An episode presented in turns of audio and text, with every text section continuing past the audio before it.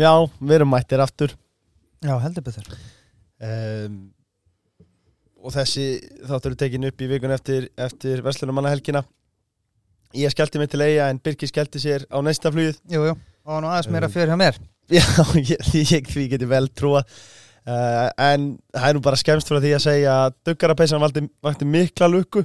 Já, ég heyrði það. Það voru- margir að spurja mig hérna, hvar ég fekk þessa peysu. Mm uh, tókst, Pakkaður þinni niður? Já, ég var í henni brekkunni í, á neyðskupsta Já, þetta, þetta eru geggjaða peysur. Já. um, og ég, að því að hún, hún er bæði létt og svo er hún Og andar líka.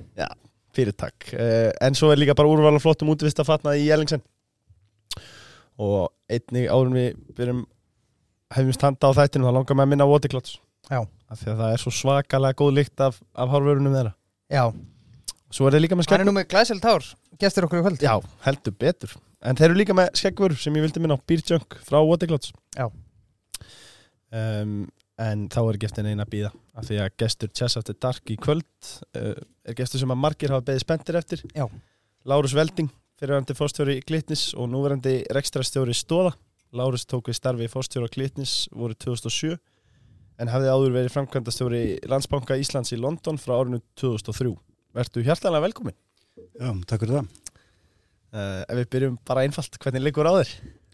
Ég er alltaf bara góður, sko. Það ekki Eftir að maður er búin að eiga svona áhrif, svona viðbörrikt æfiskeiði sem ég, hinga Mm. til. Það Já. er allt sem að frekar hver, dag, hver, hver dag er góður þegar maður er ekki til að við stressa að reyna að bjarga ykkur um banka.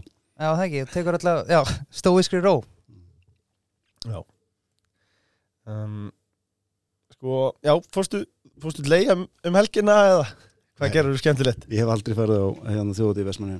Það er synd. Ótta inni.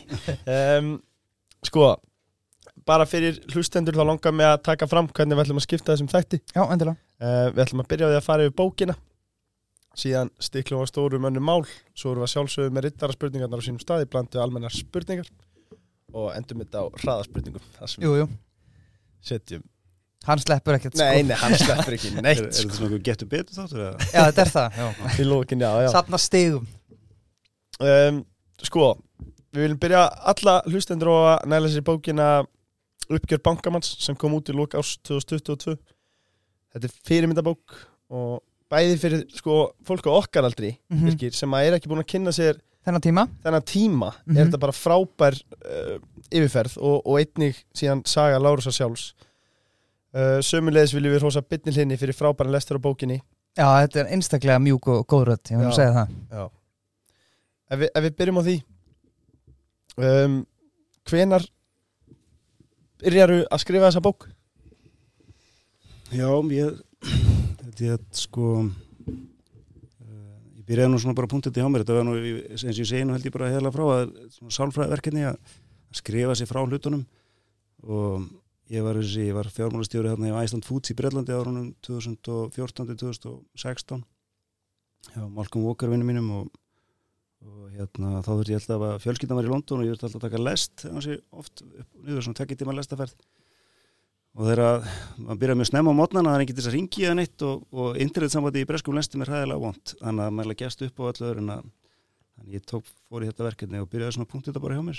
Og hérna, já og svo gerði ég eins og sem ekkert með þetta fyrir en að ég hérna fyrir en að þessum síðustu svona málum voru að ljúka þá fór ég og talaði við eh, eftir ég hérna eh, klára að lesa, ég var náttúrulega las vel bækuna sem kom út frá AB útgáfa þarna hjá Jónas í Sýrkis og haftabókina og, og hérna þær bækur fannst þær mjög góðar þeim þannig að eftir ég laukar lauk því að lesa eina svoleiðs bókina þá bara ákveði að ringi Jónas og segja ég held ég geti verið að ég væri með bók sem hérst að koma frá mér. Já, þannig að þú eru nú verið byrjar að punkta niður en ert ekki búin að ákveða þarna að þú ætlar að gera bókur þessu?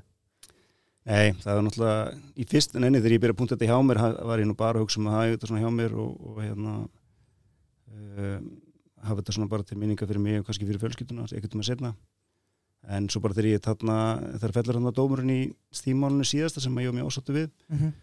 þá fannst mér þetta ekki alveg svona mér fannst ekki rétt að enda þetta svona. og fannst svona uh, þessi saga hefði ekki verið sögð. Og ákvað bara allavega að skrifa þetta og sjá hvernig þetta lítið út og svo þurfti ég að fara vel yfir það með fjölskyldum minni hvort að það væri þess virði að rifja þetta allt saman upp. Og, en minna bókin ég bara, já, ég held að hann hafa verið ég held að það fengi mjög góð viðbröð þeir sem hafa sendt mér ykkur viðbröð þau hafa verið jákvæð. Ég hef ekki fengið neina svona eitthvað ég, ég að er ekki á Facebook þannig að ég veit ekki alveg hvað Það er ég verða bara að segja að þú hann sérna fyrir framan okkur. Þetta er geggjuð bók. Já, hjartanlega sammála því. um, og, það, og það er líka annað sem að tekur eftir við lestu bókarnar er Mhm. hvað þú ert búin að gera þetta allt vel upp líka fyrir, fyrir sjálfu þér. Þú þú ert búin að gera þessa tíma upp og, og það er svo greinilegt. Í hvernig hugarástandi varstu þegar þú ert að punta þetta niður af því að eins og þú segir þetta eru sá sem þú þarft að opna og kafa rækil í Já, ég, já, það er bara takk fyrir það. Menn ég segi þetta er, það er svo sem engin önnur leið að gera þetta og þetta var bara mín leið í gegnum þetta, ég er reynda að ná- nálgast þetta bara svona á ákveðin hreinskilni og auðmygt, ég er að býða það og maður fær sjálfur þess að ég segi, kjánar alltaf að tekið einhvern veginn við starfið þarna þrítur þannig að sem bankastjóri í einum stærstu banka Íslands en þannig voru nú bara tímandir og, og maður þarf svona Já, já, bara farið við það og þetta voru náttúrulega hrikalegi tímar og stóra aðbyrjum sem gerist mikið fyrir, fyrir Ísland þannig að ég svona reyndi bara já, bara segja þetta bara eins og heiðarlega og í gat og hlýfa engum og ekki sjálfur mér heldur. Menn auðvitað gerum við fullt af mistökum. En, en ég kannski skrifa bókina og ég kalla hana ekki bankum að því mér var svolítið svona þemað í umræðinu þarna á eftir. E, mér fannst ekki sangjant, mér fannst allavega þessi saga ekki að vera sögð frábært fólk, eðlilegt fólk sem var að vinna í þessu böngum, hérna ungt fjölskyldufólk sker sitt besta. Og bara eh, eins og ég segi, ég var bara ég fannst frábært að vinna í banka. Og var stoltur að vera bankamæður, ég lærði að mörgum góðum mönnum sem höfðu verið í bankirinn fyrir.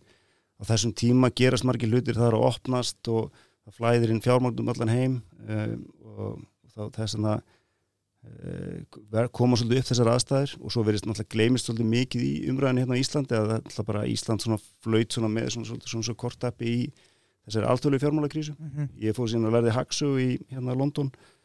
Um, bara svona aðeins til að að skilja bara hvernig ég, hvernig ég gæti klikkað á þessu að, að hérna ráða mig í banka á allra versta tíma sem bankastjóra.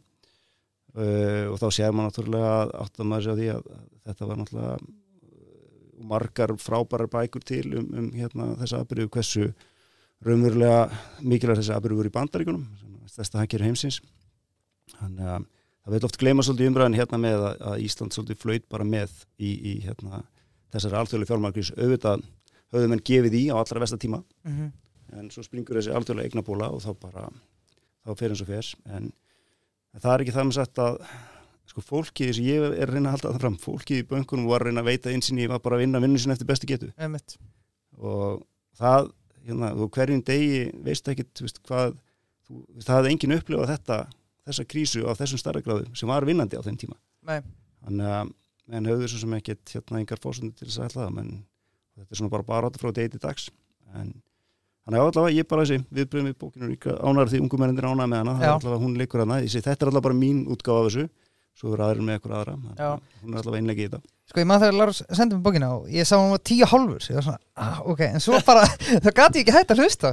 Þannig að, já, geggjað, mæli með. Já, uh, en Lárus, þú talar um það að sé rauðið þráður eða satt, uppgjör bankamanns, mér langar aðeins að nýti það að því að við Birkir erum jú báðir að mitt dreymti sjálfur sem ungan pilta að hérna, starfi banka. Mm -hmm.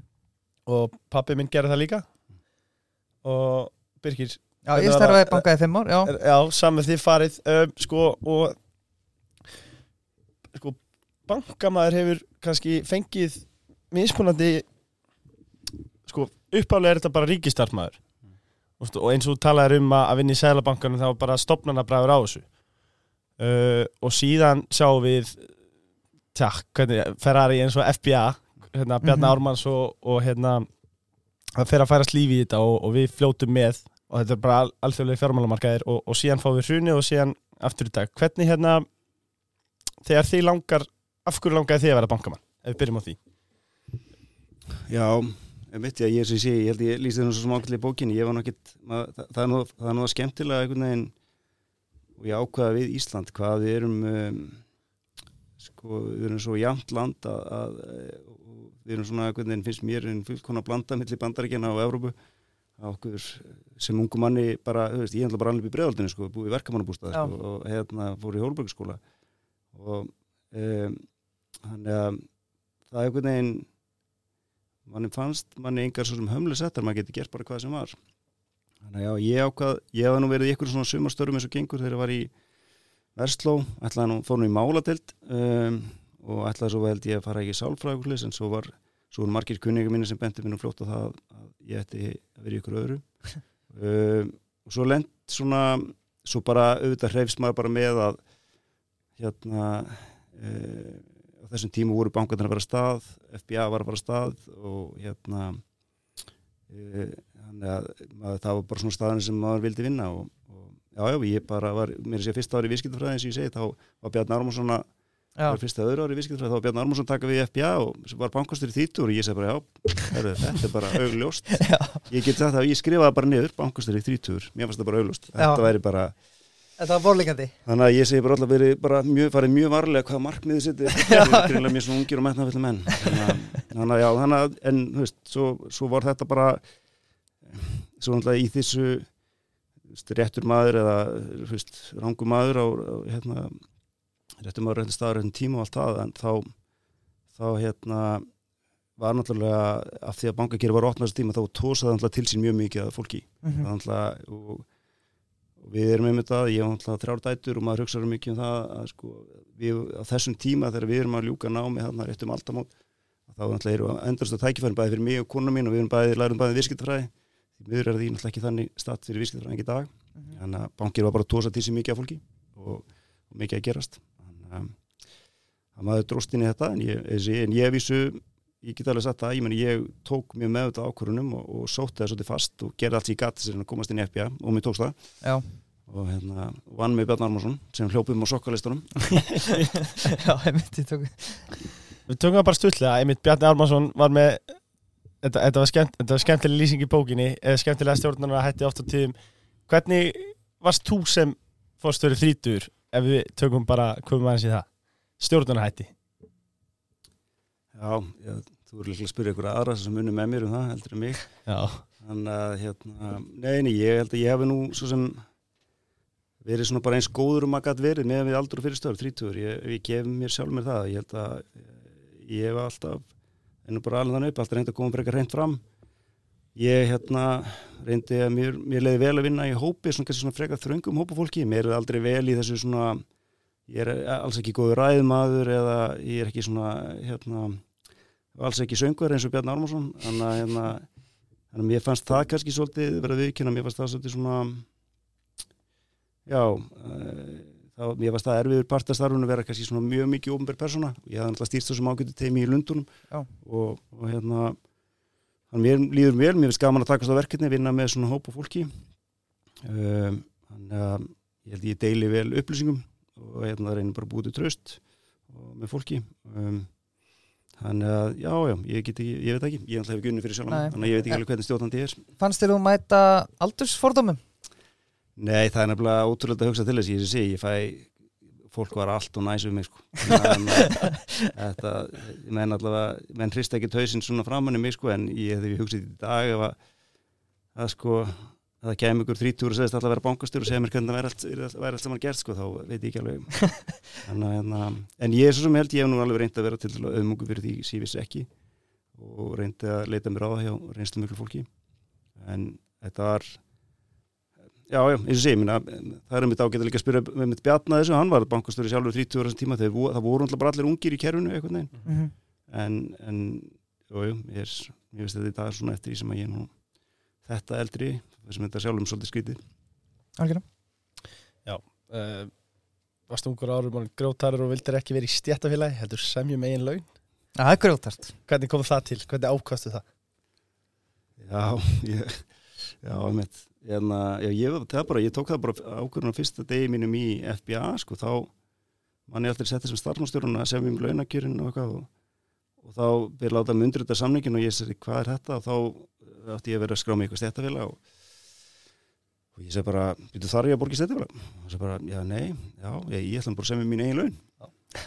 Þannig að ekki það ég einst sérstaklega mótið stjættafélag en, en það bara það, það var ekki já eh, þau að vísu er alveg, alveg ótrúlega sterk á Íslandi svo það sé sagt, en það er alveg, það er alveg ef, ef því nú hef ég það var alveg svona varðið halvum starfsferðlunum í Brellandi ég veit ekki til þess að þessi neistar sem svona rosalega mikið hlutvallast stjættafélögum Nei, við erum nú eiginlega búin að gera allt villust Þetta er síðasta þátt Já, við og stjættafélag ég, ég, og ég, vil, ég minna það sko fyrst ekki sé, menna það er bara sjálfsagt að fólk sé í því það vill, en, en það er samt félagfélagi þannig að það þarf ekki að vera stjættafélagi bara það er já, og ég, mér finnst þess að fólk ég segi þetta um marga og fólk bara segir bara ha? Að- en bara þú vilt verið Já. en líka þú vilt ekki verið í. Við erum komin svona bara áttu gengst stjættafélag Það verður að hafa um, Sko, þú stendur þig vel hjá FBA og fær fastráðningu þar sem lánastjóri. Og eftir að hafa starfað í hlutastarfa með náminu stór. Já, síðasta árið ekki. Já, uh, Hugur leitaði samt alltaf út og þið langaði að segja framhaldsmentun Erlendis og þið flytið til Lunduna í kjölfarið. Þú og Ágústa konaðinn fáið bæði störf úti.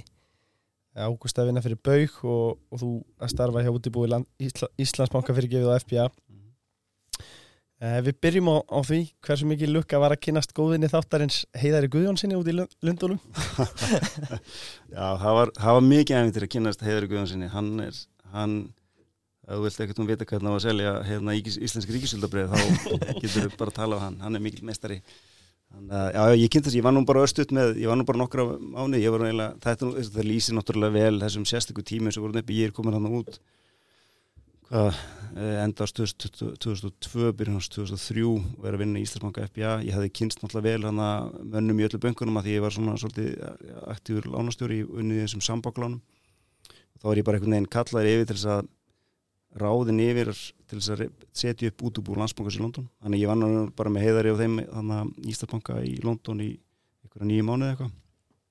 Já, og fer þangað yfir þannig að það, það lýsir þessu nú sérstaklega svona vel, ég er ekki á þrítur hann þá er ég ráðin til þess að fara að setja upp eitthvað stýra útubú í landsbankars Já. ég, ég var að vísu með frekar hvitt hár þannig að það hjálpaði mér alltaf. Já, um, Þú talaði um það í bókinni að, að þegar þið farið út þá hafi Ágústa verið hefnari með starf en þú Já, Ágúst er náttúrulega miklu klára en ég, það er alveg. Þannig að hérna, hún var að vinna á Bögi og vann með hérna góðvinni þáttarins Jónaskýri. jú, jú Mhm. Þannig að, uh, og já, já, hafði náðu náttúrulega bara sjálf frábúrin fram með því. Um, Þú fær rétt bókasamskort eða ekki? mér, ég fekk bókasannar kort frá Sjón Ínokvinni mínum og var í fyrirtækja, var settur í fyrirtækja ráki. Ég var, ég var alltaf miklu meiri svona lánamaður heldur en fyrirtækja rákja maður. Þó Já. ég hafi síðan, hafi síðan enn þróast lífið í að vera mikið að setja saman viðskipti. Um, og Ágústa var vinna á Bögjum sem var bara hún að gera marga mjög spennandi hluti og, og svo var hún bara svo klára og hún fljóta þetta hætti svo ég að Bögja þannig að þetta fór eitthvað að fara, fara að vesna. En fyrir þá sem er ekki búin að hlusta bókina uh, þegar þú fær rétt bókasamskorti og hvað áttur aftur að fara að leita þá vissir þú verið líklega á rangri hillu? Já, já, þá var ég að leita að einhverjum hérna, reglugerðum um erbusambandsins um sjávarutök Já, spennandi Voði Klásmenn hefur nú byrjað að hrósa yfir frábært að einstakt hári svo komin að í byrjun Já. uh, Þeir eins og er áhuga samir um uh, eins og aðeins búin að koma inn á múfið sem var fekst þegar þú varst 26 ára gamall uh, útibústjóri landsbókas í Lundunum Mm.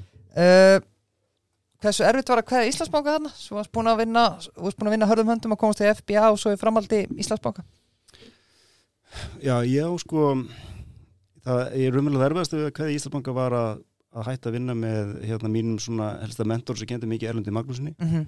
sem var góð maður sem tók með að mér eh, þegar ég byrjaði að vinna í FBA og er, var reynslu mikill eh, bankamæður og svo Byrni Björnssoni heitnum sem að kendi mér mjög mikið sem ég var með í Íslandsbanka, hann svona stýrði lánanendunum þar og hérna að það voru, eilu, það voru eina sem að þegar mér bauð starfið það var það svo sem alveg auglust fyrir mig, það var svo gott tækifæri. En ég, ég þú veist að maður fekk kvíðan í maðan að fara að tala við þá tvo. Já, og mér leiði illa með það að einhvern veginn að, að þeir eru bara reynst með menn, það er allir, allir allt ungt fólk er það er frábært að hérna, geta fengi verið með svona sem, ég veit ekki hvað það er íslenska verið mentor, eitthvað Mhm, sem þú getur mhm. leita til og fengið ráð hjá. Og ég lærði, lærði mjög mikið af þessum báðmennum já, og nýti margt af því sem lærði bara ennþá dag í dag já uh, Hvernig kemur til að 26 ára einstaklingur fær svona risa stöð? Já, ég sko út úr landsbankan svo sem í London þegar ég byrjaði var nú bara eitt svona skrippur eins og einhver framan á Já. þannig að að var nú kannski ekki hérna, e, það Flottar á pappir Já, já, það kemur bara til að hérna, að sko, bankarnir voru búin að maksa mikið og svo voru konur svona aðtöðsendir frá lánshæðsmatsfyrirtækinum um það að, að þeim finnist sko áhættan öll þessi erlenda fjármjörnum og áhættan ekki nógu dreið og mikil áhætt á Íslandi. Og þannig að þá byrjaði ég svona alltaf var þetta kapp allar þessar þryggja banka, þryggja banka og kaupþingar farið meira stað úti og þá þurfti landsbankin að, að fara líka stað. Og landsbankamenn sem voru þá vísu fyrirhundi búnaðabankamenn höfðu kynst mér og við höfum unnið saman í nokkur viðskiptum á Íslandi.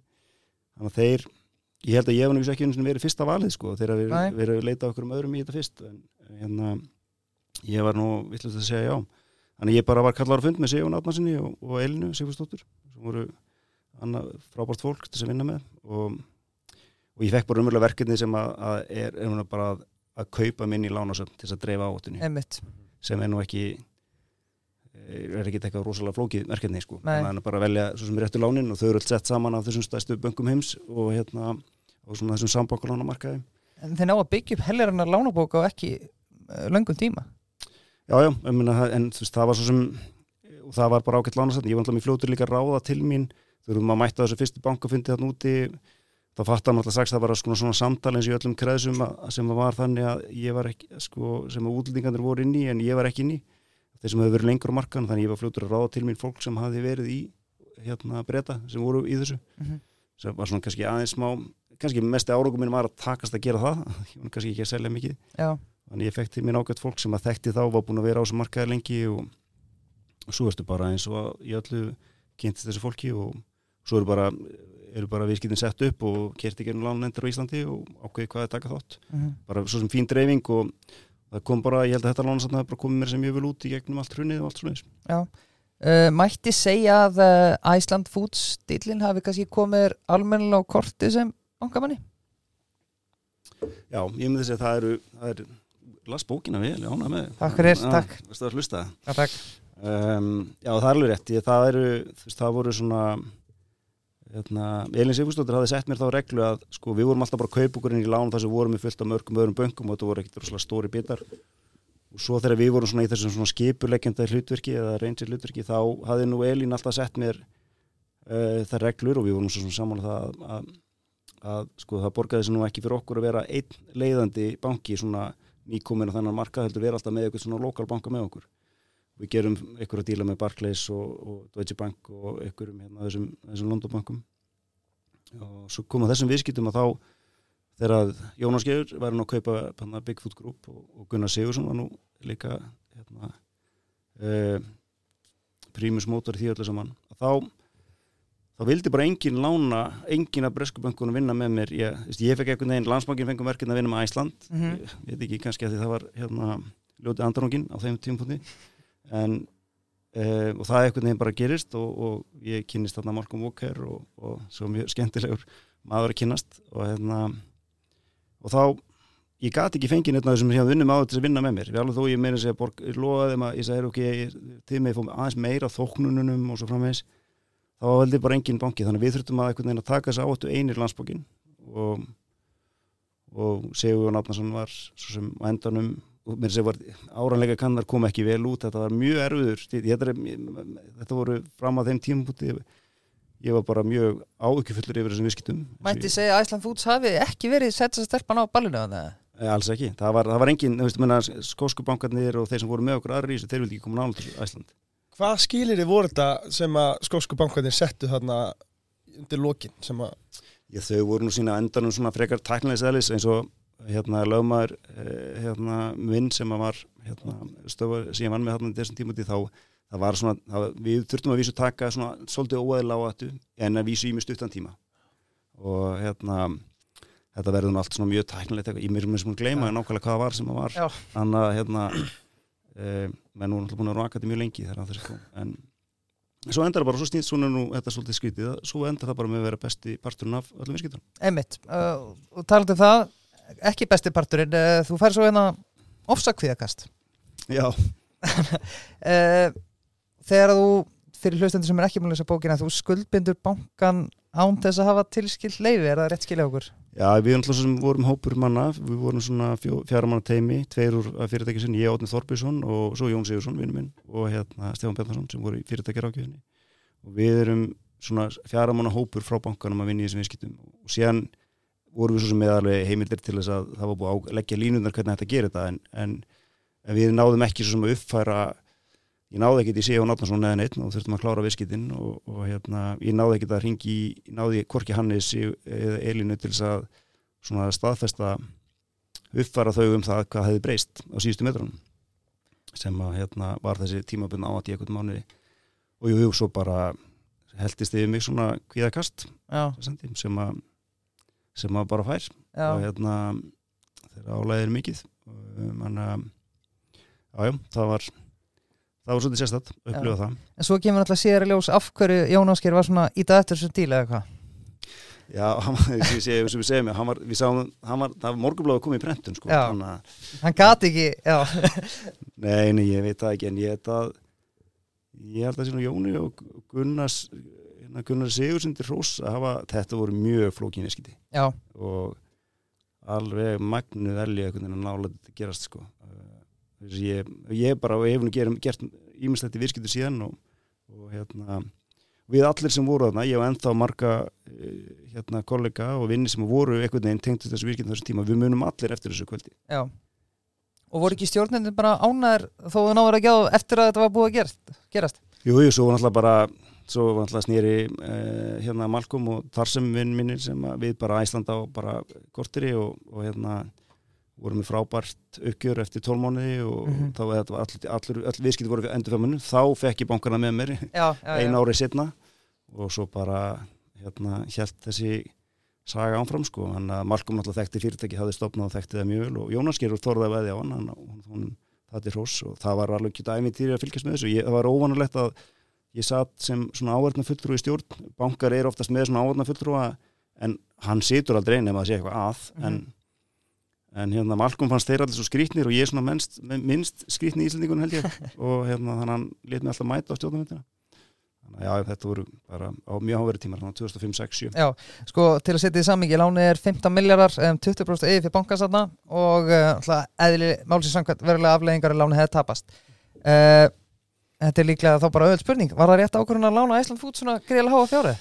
Já, já, það var greinlega það eftir og ekki. Við vorum svo sem búin að gera ákveðna greiningu. Við vorum eins og búin að gera þá greiningu að, sko, að við myndum alltaf geta fengið all lánið tilbaka með því að sko selja leigusanningarna sem Æsland fút var með. Já, já, já, já, Þannig að hérna, þetta var nú ekki algjörlega bara nei, puttun upp í loftið, sko. Ekki svo kaldir. En hérna, en jú, ég var vissulega, þetta voru stór viskiti og maður var svona fann fyrir e, réttilega, fyrir ábyrðinni sem að hérna, fólst í því að taka þessi viskiti og, og, hérna, og láta þetta gerast. uh, Til að slúta þessar umræði, uh, hvernig var að starfa með Jón Áskeri? Mér gekk alltaf vel að vinna með Jónaskeri menn finnst mjög skrítið að heyra mér segja það. Hann, hérna, hann er hann er náttúrulega hefur, hefur rosalega gaman á að semja. Já, hann hérna en eh, já, já mér, mér bara, mér fannst alltaf svolítið gaman að, að hérna, takast á Jónaskeri og, og bara kunni vel við að hann er náttúrulega eh, einstaklega talnaglöggur og hérna hann er svona skemmtilegur í, já, skemmtilegur í herbygginu og gaman hann og mjög orðheldin, með Já. orðheldari mönnum svona eins og þegar að hann getur að þá hérna gaman að sjá hann, sjá hann í því. Að, en hann, hann færist eins og margir færist svolítið mikið í fang. Klart. Og búlan Birgir, Þú kíktir í gær, ég fór uh, svaðilfur já, ég, þú veist, mér leiði ekkert sérlega vel í gær Nei, þú, þú hefur verið stærri. Mánudeginum eftir þjóðatíð Já. og En þá er nú gaman að kíkja á búluna. Fór með, fór með mínum helstu. Mm -hmm. uh, og við stöppum í hvern annan stálinu Já. búluna Selfossi. Og fengum okkur allir Já, leifsara tókuðu búluna á Selfossi? Já, tókum, tókum allir leifsara tilbúði Já, það er bara langt sen ég fór þanga Mhm. þannig að mér langa að taka hana sko. hvernig var þjónustan þetta?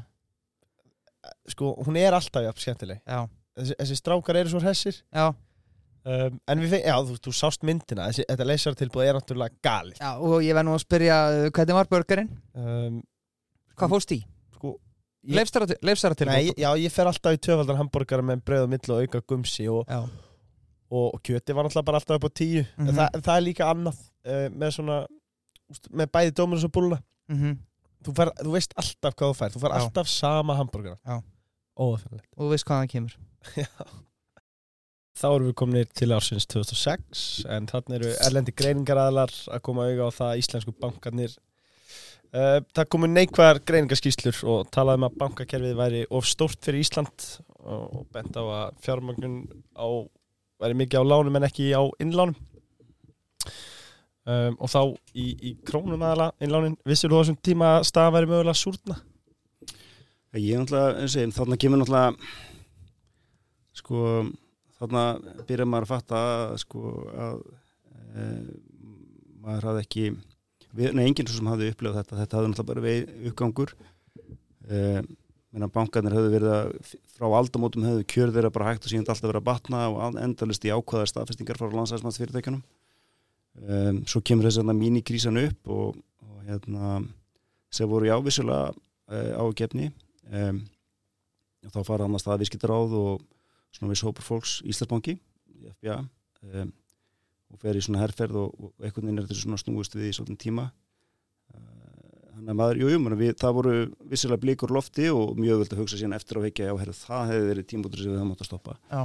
og hérna, það er auðvitað að vera vitur eftir á svo bara, svo bara snúa svo, menna, svo snú bara markaðinni við menna, landsbanki fyrir að opna æsef reikningana sem að mm -hmm. náði í mikið fjármagn sem voru svona byggt á þessu hérna, mótil sem ING hefði verið með. Og svo, minna, svo bara komum við inn í 2007 og bara e, þau mann, ég lýsinu í bókinni þarna um árum átti 2006-2007 voru stóru erlendu bankarnir að lána fulla móti íslenskum bankarhlutabrifum e, og minna, bankarnir frá allir hérna, AAA rating frá Moody's þannig að, að það er svona skilabúin eru mjög mikið í ákvæða áttuna en þá þannig að þanga til að síðan, síðan þetta fyrir að súrna þarna hausti 2007 Einmitt, kannski auðvitað að benda á þetta núna. Mm -hmm. Já, það er rosa gott að vera vitur eftir Já, eftir áspengingum þess Af hverju sem farsell bankamæður í, í Lundunum að taka við starfi Glitnisbanka, ekki orðin 30 aldri? Já, góð spurning. Ég, Já, ég, eins og ég ég, ég, ég velti það svona mikið fyrir mér og, og hérna og já, ég var ég held ég var náttúrulega verið meðvitað um það og ég, man, ég myndi rætti þetta nú við Malcolm Walker vinn minn og, og við hlæðum mikið að því í dag og hann hérna ég man alltaf eftir þessu síndali, ég var að skrifstofunum minn í Heritable banka, nei hérna í, í landsbankunum í London segi ég, hérna við Buford House. Og ringi Malcolm og segir ok, hérna það verður að bjóða með þetta, hvað, hvað finnst þér ég að gera? Og, hérna, og hann segir alltaf þessi, well, what have you got to lose? Og hérna og hann man alltaf hann segir sko, if it goes well, it's you, if it's bad, it's the economy og hérna fór ekki alveg eins og hann sagði en, en jú, ég var alltaf alveg meðvitaður upp fyrir því að ég væri hérna um, að ég væri ungur og, og þetta hefði verið betra að ég hefði verið búin að vera að vinna, lengur en, en svo náttúrulega var segi, ég hefði ég var bara vanur að vinna náttúrulega ykkar með Jóni Sigurssoni vinnum mínum og, og hérna var bara tilbúin að fara í verkefnið með honum Sko, já, einmitt, eins og þú segir Er þetta ekki, svo, svo ég tek þennan bolt á lofti. Er þetta ekki, við erum búin að tala aðeins um eftir á speiki og þetta er líkil orðina í kvöld. Uh, Er hægt að segja neyfi svona tilbúið? Já, já, það er hægt að það, það er alveg hægt, en, en ég held að maður það sem, það sem þú hugsaður á þessum tíma þó þú sést svona ungur á einhvern veginn þá hugsaður svolítið, sko, verður mér mun mér ekkert tíma hérna mun ég ekkert um að fá þetta að tækja vera aftur og hvað mér líði ef ég segi nei við þessu og svo framvegis uh, þannig að já, já, næst, þú er bara Nei. það er, þeir sem eru búin að lesa bókinu mína þeir, eru 30 og eru búið bankstjóri þeir minn örglega að app, app, app, ég ætla að hugsa þetta betur Ég myndi ekki að segja já þeir með, frálst að ringi mig Já, já. um, Já, það var eins og þú sagðir á sko, þú ert þarna 30 ára aldri með 2000 undirmenn og komin í eina bara valdamestu stöðu sem fyrirfinnst að minnstakost á Íslandi hvernig fannst þér að vera bankastjóri og hversu lengi varst að koma þér inn í hlutina?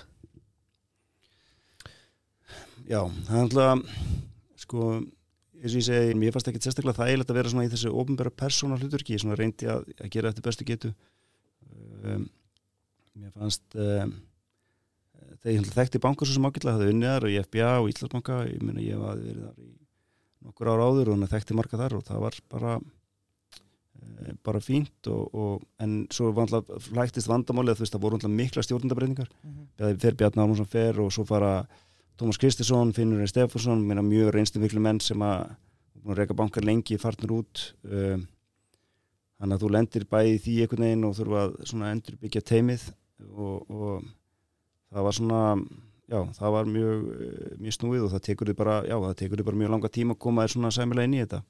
Og þannig að mér fannst þetta já, ég reyndi bara að gera þetta eftir bestu getu en þú ert náttúrulega svolítið þú ert svolítið í þúku og, og reyna svona að finna hvað styrleikarnir eru mikilvægast í þessu náttúrulega reyna að koma rétt að teiminu um borð og, og það var það hafði náttúrulega verið teimi byggt upp fyrir mikinn vöxt og svo snýst náttúrulega allt við mjög hratt. Og þá þarfstu allt í enn að vera okkur ég, ég er hérna að byggja upp teimi fyrir mikinn vöxt og mörgum löndum og mikla útrás og svo allt í enn bara sko, þurfum við að snúa við 180 gráðum og þá þá eru allir mennindin sem voru ráðinir eða fólki sem var ráðið til þess að vera í miklum vöxt svona, veitu hvað ég verið að gera núna og þú, ert, og þú hefur ekki alveg tíma til þess að fástu það og það er bara, er, ég þarf mennin sem eru góði varnamenn sko. mm -hmm. og hérna og því, það er svo sem líst held ég ágli í bókinni minna ég næ svo sem ekki almennilega utan um þetta starfi, ég bara hefði með það fyrir svona 69 mánum eftir ég komin inn í og við tökum fyrir virkilega að taka á þessu þarna í byrjun á 2008 Já. þá byrjum við að setja saman svolítið svona hópan af fólkinu sem til þess að reyna að bara koma bankunum í gegnum þetta? Sko, atna, ég glemt að spyrja einu áðan uh, lagi, hvað varstu lengi að ákvæði þegar það búið starfið? Og í öðru lagi hvað kom þér kannski mest að óvart við að vera bankastjóru og talar um að þú er kannski ekki sérstaklega hrifin og ofnbæð persóna. Og nefnir það í bókinin að það voru rosa mikið að ferðalögum og annað. Uh, Já. Já, já ég, ég held, ég veist, ég var við Jón, uh, svona, hann var nú svona bara ræðið þetta svona í, flæm, í svona í flæmingi eða hvað sem er, í flim, haft þetta í flimtingum fannst mér. Mm -hmm. um, lengi og, og hérna, eða lengi svona eftir því sem að FL Group fór að gera, komast í þessa stöðu og, og svo, en svo hefur þetta engan stóran aðdraðanda við þetta bara gerist á nokkru veikum sko okay. þannig að hérna Ég tók þess að, ég skil segja, ég tók þess ekki rosalega alvarlega, ég hef ekki alveg trú að, að þetta myndi hérna, í fyrstu, en svo hafði ég bara einhverja nokkra viku eitthvað til þess aðkvæða. Um, það, sem var, það sem ég tók, það sem var fast mest, um, já það var svo sem ekkit, ég hafði alltaf unni ná mjög náið með sig og náttan sín, þannig ég svo sem skildi svo sem alveg ákveðlega í hvað starfbankast mhm. er að fólst, það er mikið að sitta á fundum og lánanemdum og svo framvegis. Uh, ferðalögin er mitt, það er aftur reynsluleysið sko já. og hérna uh, maður bara sagði já við allt og mörgum hlutum og eina sem ég hafði alltaf að vita og segja, ég fór eiginlega ekki inn einar svona viðskiptaferðum, þannig að hérna er svona skemmtiferðum já. en maður var að ferast allt og mikið og sitja allt og mörgum nefndum sem að uh, bara skipta ekki raunverulega ekki öllum áli og það hefur verið betri að gera þannig að ég veist, ég ferast ekki svona í dag sko, ég bara, nei, bara ekki í séns. Þannig að maður ungur orku mikill Já, klart. Alþjóðlegur Alþjóðlegir fjármáramarka er snöggkóluna þarna og erfitt að fá landsfjármögnum frá ellendi böngum. Þið gefið þarna út skuldabrið til fimmara upp á 1 miljard bandarækjadólar sem voru þá 63 miljardar íslenska á það sem kallaðist ekki góðum kjörum þá uh, kjör sem myndi smittast yfir á kaupting og landsbankan og voru aðri bankstjórar kannski sárur út í þig og Lárus fekk pistilinn. Já, það fekk kannski aðeins pistilinn. Voru það mistök eftir á að higgja eða var ekkert annað í stöðinni ég þú segir það náttúrulega þannig að við gefum út á sko júri, ég hef alltaf ekki verið já, þetta var júró, þetta var júri búin 145 punktar, þú segir það það er nú íslensku bankaði voru fjármann sem átti eitthvað 400 punktum hérna voru um daginn þannig að það var alltaf klárt mál og hálfið hárreitt ráð sem að ég mann það voru einmitt yngvar uh, Ragnarsson held ég og, og hérna Bill Simington hérna rákinn sögur bara take the money. Og hérna og þannig að við ákveðum, þetta er bara ákveðið svona dýtlinn fyrir lofti svona skuldabrúbúið að gera þannig að það er undurbúið og svo er farið live að mótni og sapnaði bókina og svo ákveðið hvað komið mikið í bókina og, og, og það er að setja inn í bókina á hvaða kjörum mennur tilbúin að kaupa. Og kjörum voru vissilega tölvöld lagar heldur en þau verið en alveg svo sem í línu við það sem hafi verið að þróast á mörgum þannig að við tókum peningin, klálega rétt ákvörðan að taka peningin það gaf okkur bara lengir líf en hérna, þetta var eina skuldabrið sem ég gaf út. Þannig að það var bara já, alveg hárið ákvörðun að gera það á þessum tímpúti og, og, og ég held að þú sér það eins og eins og, eins og minn sjá, eins og minn hafa sér núna menn, þetta var svo langur tími þar sem markaðar voru eiginlega frá aldamótum bara algjörlega flæðandi og alltaf bara hætt ofnir og menn voru farinir að gefa út á kjörun sem voru rosalega góð. En ég held að núna séum, sjáum menn, séum ekki um hérna, eftir stóru hérna, hérna, fjármálagrísuna hérna og svo COVID og svo framvegis og hvernig markaðir eru búin að seplast að menn menn gefa bara út. Menn halda bara alltaf áfram að gefa út og, og, hérna, og reyna svona að stilla sig af og reyna að vera með, vera með marga, marga hérna, uppsettur fjármaks þannig að já, þetta, þetta er svona hlutur einmitt sem að læri slíka af þessari fjármagn, það voru fullt af fyrirtækjum sem hefur, bankar sem hefur búin til, eins og náttúrulega íslensku bankar það er mjög leiti, svona fjármagna er eiginlega bara einvörðungum með einhverjum svona marka skuldabrjöfum Mhm. flesti bankar náttúrulega í dag er að vinna með miklu meira blöndu af, heildsöl, af hérna, innlánum og heildsöl innlánum og cover bonds og svo skuldabröfum og alltaf öll þessi bankar gerir standar svo sem miklu betur. En þetta bara, þetta helgast bara af, minna, það var bara, það gnótt fjármaks sem var þurft að komast, var að leita sér að ykkur heimli. Mhm. Uh, þegar fjármálamarkaðir snöggkóluna þá eðli málsins samkvæmt uh, þarf að endurskipulegja mist lán, sækja fleiri veð og annað slíkt um, og hérna mér langar sko eins og þú segir að því að það var gnótt fjármagn og, og síðan dróst það svona skyndilega saman uh, hversu mikið samtal og samstarf var milli bankana og voru þá einhverja blokkir uh, við, ef við, ég ný- nýti það sérstaklega í mér var skemmtilegt hérna þegar þú fer á fund uh, og það er tal, Geir Hórti talar um að fara með löndum þá. Það var ekki, það var ekki mörg ráðgefin á þeim fundi og, og bankastjórnir hinn voru spenntir að heyrir uh, hversu mikil og, og hversu gott samstarf var þarna á milli ykkar? Ég hef náttúrulega þekkti, hafði unni með síðan átna lengi þannig að við vorum, vorum í mjög góðum sambandi og töluðum mikið saman. Um, um, og það var svo sem minna köfingsmein þó að ég hefi þekkti þá sem alveg ágætlega. En það hefði klálega svo sem geta verið meira samráð en þetta er allt svona það er auðvitað að vera vitur eftir að þú, en þú fer náttúrulega, það er náttúrulega mikil svona einhvern Mm. veginn í gangi. Og um, þannig að menn eru, já, já, menn eru svona að- að- einhvern veginn að keppast og apa eftir öðrum og það sem gengur vel og þur- þurfa að vera bara eins og, og samkeppni svo sem er. Um, þannig að ég en, en við vorum bara, þú veist, ef við hefðum verið með eitthvað svona J, hérna, Pierpoint Morgan sem hefði sett þetta inn í herbyggju og lokað inn yfir helgi ég veit ekki hvort þetta hefði farið eitthvað öðruvísi. Var, var þetta opið samtala á ykkar eða voru menn með pókerfis? um, það var nú tildur lítið póker millir mín og Sigurjóns.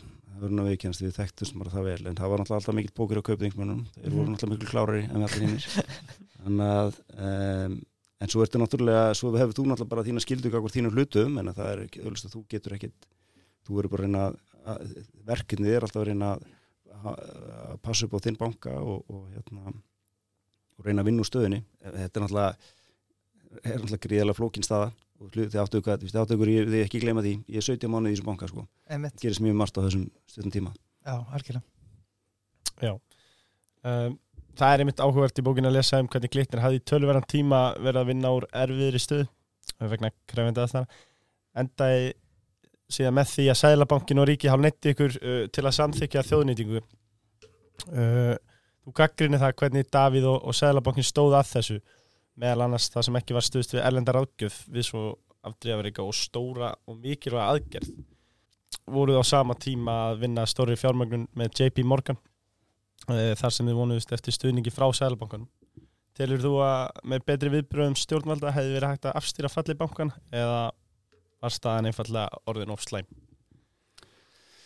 Já, þess að ég segi, veist, ég held að það hefur kannski ekki breytt mjög miklu en, en, um, en það er alveg klart mál að, hérna að það hefði af því að bankarnir hefði svo marga erlenda það, og nú er ég að vera vitur eftir á þannig að eins og svo margir að þá hérna hefði eh, hefði þetta öruglega verið svona já, kannski eðlir í lending eitthvað neginn ef að ef, að eru- ef, ef við erum stuðist við eitthvað af þessum stóru böngum sem bankarnir voru hvort með.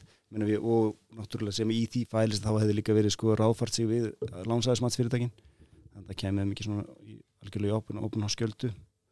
En þú veist, þú veist bara, veist, við erum bara í krísu. Það er bara allt, allt í krísu alls það er í heiminum. Mm. -hmm. Líma bróðis er hann nýfarnir og, og menn svona já, það voru já, þannig að það sem að síðan gerist og þú veist, og raunverulega veist, þetta, þegar eftir þetta þessa, þetta glitninshelgi þá sem kom inn og svo kom náttúrulega JP Morgan inn við þettir og, og hérna stundu hérna vel við heldurlega gangandi. En já, já, það hefði verið hefði elvist verið betra að vera með þeir ennur Sælabankinu örgulega, nú múr læra þessu öllu saman myndi gera þetta allt öðru sér næst sem, vonandi- sem verður alveg bóttið aldrei Jón Óskar segir eh, ég sagði þér að þú er aldrei átt að leita til Davís voru það mistök eftir á ekki? Nei, ég, ég hafði ég fannst jú, jú, ekki, ég, ég held að það er ekki breytnin og ég, ég, fannst það bara að vera skilda mín að þetta þurfti ég eins og ég segi, menna við reyndum bara frá því að við sáum að staðan frá því við náðum ekki ekki út skuldabref í byrjunin ás 2008 þá reyndi ég alveg eftir bestu getur að hafa alltaf eins bara opið og hreinskili samtal við stjórnvöld, selabankan og, og hérna fórstæðsvæður eins og ég gatt og var bara mjög hérna opinskar með það, ég spyrði ítrykkað hvort að ég segi að þetta er allt sem við erum að gera ef við þurfum einhverja betri hugmyndir eða eitthvað annað sem ykkur finnst að ég verið að gera þá endilega segja mér það. Þannig var bara samtal við þá. En þó það voru náttúrulega reynslu miklu menn sem hafður sem verið í Íslarska selabankun lengi þá hafðu þeir aldrei upplifað þessar aðstæður. Já, algjörlega. Bónus, Já, bónuslínan fæst á bónus.verslun.is já. Um, maður sá nokkra í brekkunni á þessu. Í peysunni sko. Já, í, í uh, hérna, næsta flugi Já, Já, laglegt Svo náttúrulega fór ég í bónus. Mhm. Í eigum, Já, tvísvar næstaði vel? Já, fekk, fekk mér gett hvað ég fekk mér. Uh, Þú fegst þér hérna hummusinn Nei, Nei? Ég, ég fekk mér bara eldstafi, Já, vel hreint gert. skýr og hlæðslu, það var bara prótín í dalnum. Vel gert, vel gert. Já, takk. Uh, En flott búð í, í eigum sko. Já, talað um veist hvaðan kemur minna bónus veist, bara ódýrasta verðið besta þjónustan. Og svo er það út um allt. Já. það er alltaf sama hvað þú ert stutt í næstu bónusöslu uh, Nú aðeins að ræða þetta fyrir þátt. Uh, Símtalið í byrjunambókinni þeir eru út að leið til Abu Dhabi og gjaldarista bankans er hún afar slæm uh, og þeir nefni í símtalið að mögulega þetta geti bara farið skrúfun á tveim vikum. Uh, eru þá að tala um að fyrirværin hefði raun og verið tvær vikur eða?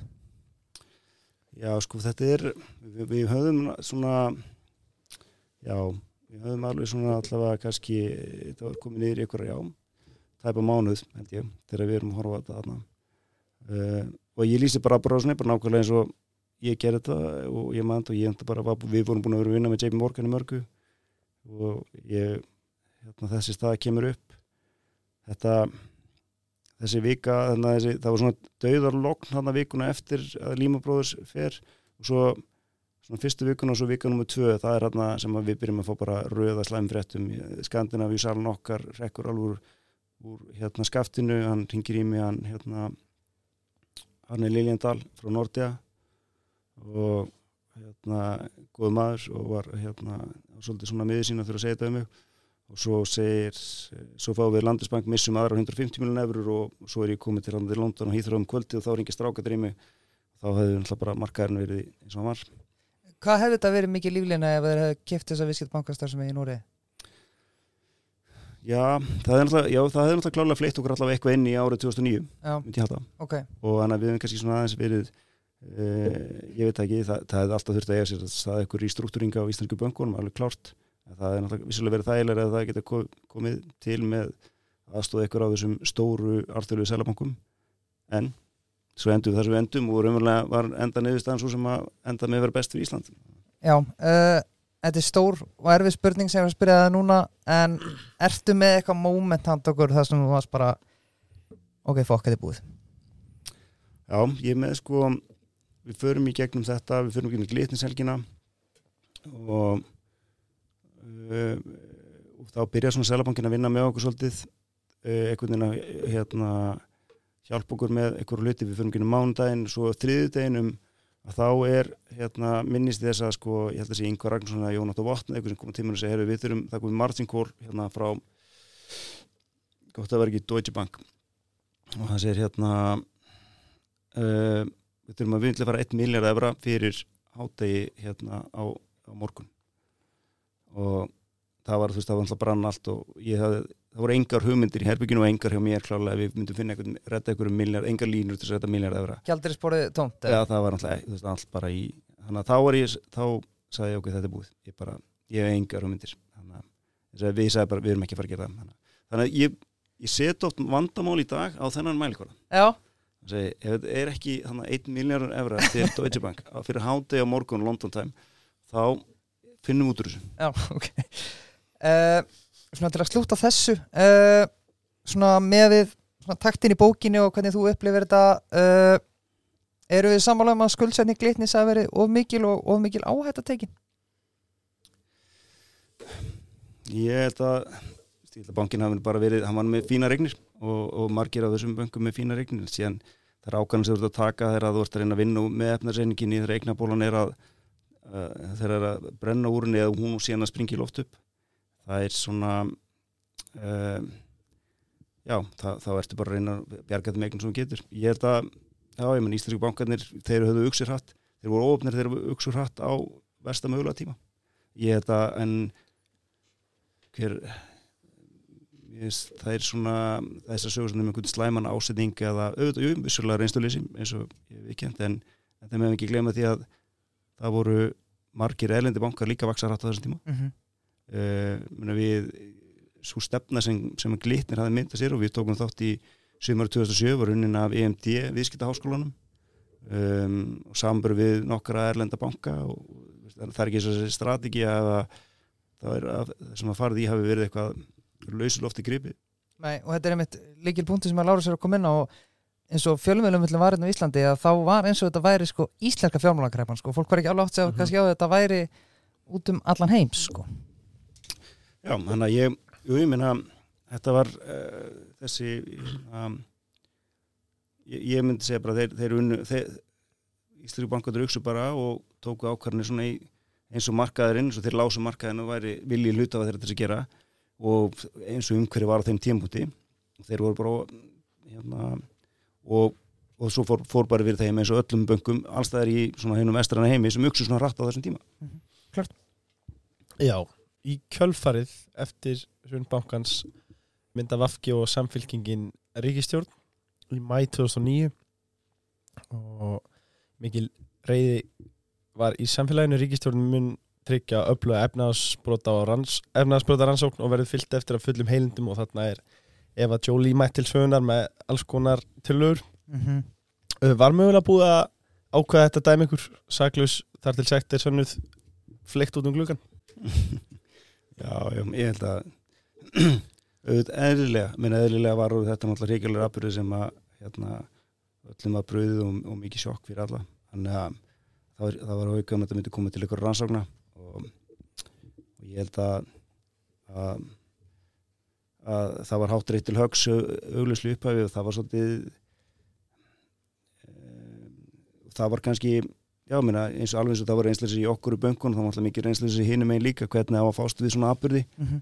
að því að, þú veist, við mennaði ekki lendi í þessu og ég get svo sem ekkit já, það var get, það, er, það er svolítið, ég veit það ekki það er kannski sérstaklega rannsóknarni, ég veit ekki svari við því af hverju það var farið svona fljótt í sko að gefa sér að sko að af því að það voruð bankarun að þá hafa einhvern veginn allir bankamennir einhvern veginn viljandi verið að brjóta ekki á sér. Ég veit ekki alveg hvernig svo ég veit ekki alveg hvernig svo sögurskýring verður til í upphafi sko. Að en það er vissulega já, það var, það var auðvitað, en, en auðvitað, jú, menn auðvitað kannski gerist þetta allstaðar í svona heimum en það þarf alltaf að leita svona aukur um blóraböklum og, og minna vissulega voru það bankarnir sem rundu og þá er hort á stjórnundu bankana það er bara, þannig er þetta. Um, svo, þannig að já, þetta þetta voru svona þetta voru hansi ríkalar ríkalar aðbröður og svo, svo svolítið svona ríkalar viðbröð og, og ég held að þau hafi litað svolítið af því að jú, svo er pólitískur órói að þessum tíma líka og, og, og það eru kannski það eru engir eh, reynslu miklu leiðtóar á staðnum til að segja, herðu, ok, hérna eh, tökum við drólega það er, það er ég, ég hef vísað í bókinni, það er ágætið skýrsla sem var skrifuð þarna strax eftir sem var skrifuð af Karlo Jannari sem var hann að fyrirvændi yfirmaður hérna, finska fjármálættirins og ég hitti það mann og átti ágætið samtal við hann. Bæðið til Runes, ég átti samtal við alla sem óskuð eftir. Og hann lístur svolítið yfir það hann hafði einhvern veginn fjarlæðina og hérna og gætt svona komið aðeins svona svolítið svona aðeins, aðeins rólegra. Uh, og hann sagði, ég myndi held að hafi skýrslan að segja bad banking, bad policies og bad luck. Og hérna fín skýrslan til dælu stutt sko. Þannig að hérna að ég, já, þetta voru voru miklar upprópanir um, eins og gerist nú oft hérna á þessu landi. Já, en þú veist, eins og Lára sér að segja og það var nú eða bara einstæmi að það var ákveð að fara eftir bankamönnum og eins og Lára skimur í bókinni þá held ég hvað voru 47 dæmtir heiminum fyrir fjármálakræfuna og 25 meðan voru Íslendingar. Eitthvað sluðis eh, þannig að það hefði kannski mögulega frekar að því að eins og þú kemur inn á auðvitað fullkomlega skiljanlegt að fólk vilji tala við ykkur sem voru í mér í ringiðinni um hvað fór úrskeiðis en í staðin fyrir kannski að vinna saman að markmiður hvernig við getum komið veg fyrir að þetta gerist aftur og þá er hort á okkur eins og því að við haft eitthvað slæman ásetning. Já, ég held að, ég, þú veist, það er kannski stór ástæð fyrir eins og ég segi, ég skrifa bókina, mér er bara, ég er full- fullkomlega ósámála þessari sögurskýningu að menn hafi haft eitthvað slæman ásetning eða viljað hérna vinna uh, bankanum sínum eitthvað tjón eða, eða þú getur vissulega sagt ok, það er mátt fara varlega, alveg klárlega og, og það er svona, má skrifa kannski bara á reynsluleysi og, og það að markaði voru hrefast rætt en það er bara mín upplifun það voru allir sem ég var með voru bara að gera þetta besta þessi bjarga þessum böngum reyna að taka besta ákvörnir, það var í einhver tilögum neitt að gera hann eftir sjálf á sig. Eh, þannig að menn eru bara að afgreða þessi verkefni sem kom upp. En það hefur aldrei verið hlusta á neitt af þeim skýringum. Og mér, mér finnst þessir dómar sem að hérna, eins og þeir, eins og ég segi eins og þetta umbúsika á hvað var einhvern veginn tekt og tóað eh, er náttúrulega stór skrítið að, að, að við allir sem að höfum aldrei aldrei búin þetta á okkur sittum í, í lánunendu bankana, tökum ákvarnir reynum að vinna okkur stöðu, erum að verðilega ofta á millir slæmara valkosta. Svo kemur ykkur mörgum og setna segir þetta að vera umbúsik og, og það, við erum ekki glemja þegar sátu lögfræðingar sko alla þessa fundi og, og aldrei flögguð þeir og segja hérna herfi, þetta getur nú verið hérna þannig er svona kerfið er svolítið teikt og tóað eftir á. Mm -hmm. Mér langar kannski einmitt að taka þetta því við erum ekki að fara að krifja hvert og eitt mál fyrir sig en það er kannski doldið mikilvægt að fólk átti sig á því að uh, lánareglur bankana eru reglur sem að bankandi setja fyrir sín vinnubröð, þetta er ekki reglur sem eru yfir fólk út í bæ.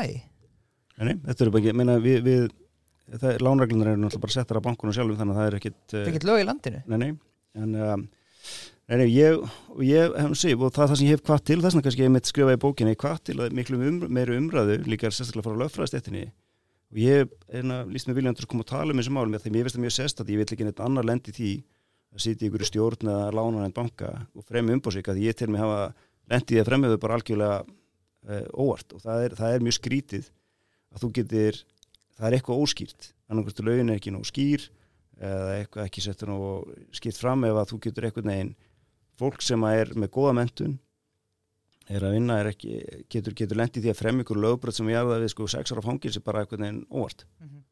sitandi í nefnd með full með bestu lögfræðingum landana, Já. landsins við borðið þannig að, þannig að ég held að þetta sé svona mér finnst sko auðvitað er ég ekki hlutlis í málunum hérna, en, en ég held að við hefum einhvern veginn lent í einhverju svona lögfræðilegri klúðri hvernig við erum unnur þessum málum. Og ég, ég bara, verð bara að segja það eða, með miklu mónbröðu með dónstóla þó það sé margt gott fólk og ég held að við reynda að leysa úr þessu flækju á, á, á besta hátt að, að það hef ekki verið þetta hef ekki verið leist skýrara hætti. Þetta, þessi dómar sem sittum uppi með þessum umbúrsökumálum þessi bara fullkomlega óskýrir og hérna uh, já, bara svona svo Jón Steinar Guðlundsson sagt, svona bara svona einnóta réttarfall Já, algjörlega. Uh, þú talar um að það eru margir lögfræðingar sem sátt svo fundi, þetta er ekki bara svo því bara sem voru að selja lán hafi verið að uh, eitthvað að braska sjálfur kemur, þú veist, það sem ég er að pæla hins vegar er var þetta einhvers konar slæm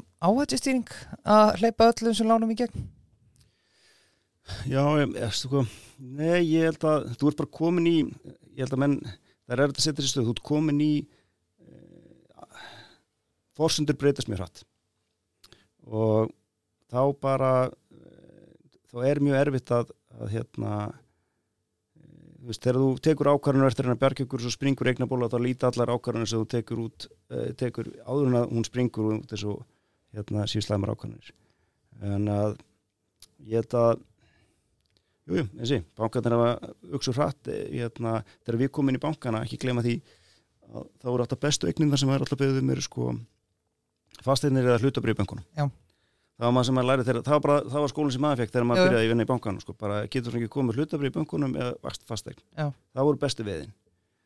Og, og svo bara, vinna, svo bara breytast fórsendur og, og hérna, já, við, við erum komin í þessu stöðu, þannig að ég Nei, nei, þetta, sí, þetta mál, þessi mál má öruglega krifja mikið og, og lengur en, en ég, mér finnst, mér finnst þið svolítið sitt upp maður samt eftir öll þess ár með svolítið löffræðilega bara flækju og ég er svona frekar ráðið maður, mér, mér finnst að henn ekki verið skýrt með hvernig þessu umbúsika ákvæði bara beitt, ég er bara fullkomlega ósamáli eðlega og hérna þannig að, að ég veit að, að ásendingur þeirra sem voru að taka þessu ákvarðan var aldrei annar en að reyna að, að leysa úr vissulega að velja milli einhverja slæmra valkosta en að taka ákvarðan og menn gleyma því alltaf sko einhvern veginn og að það verðist alltaf bara gerðu bara ekki neitt það, mm það var bara, er ekki alltaf valkostur sko.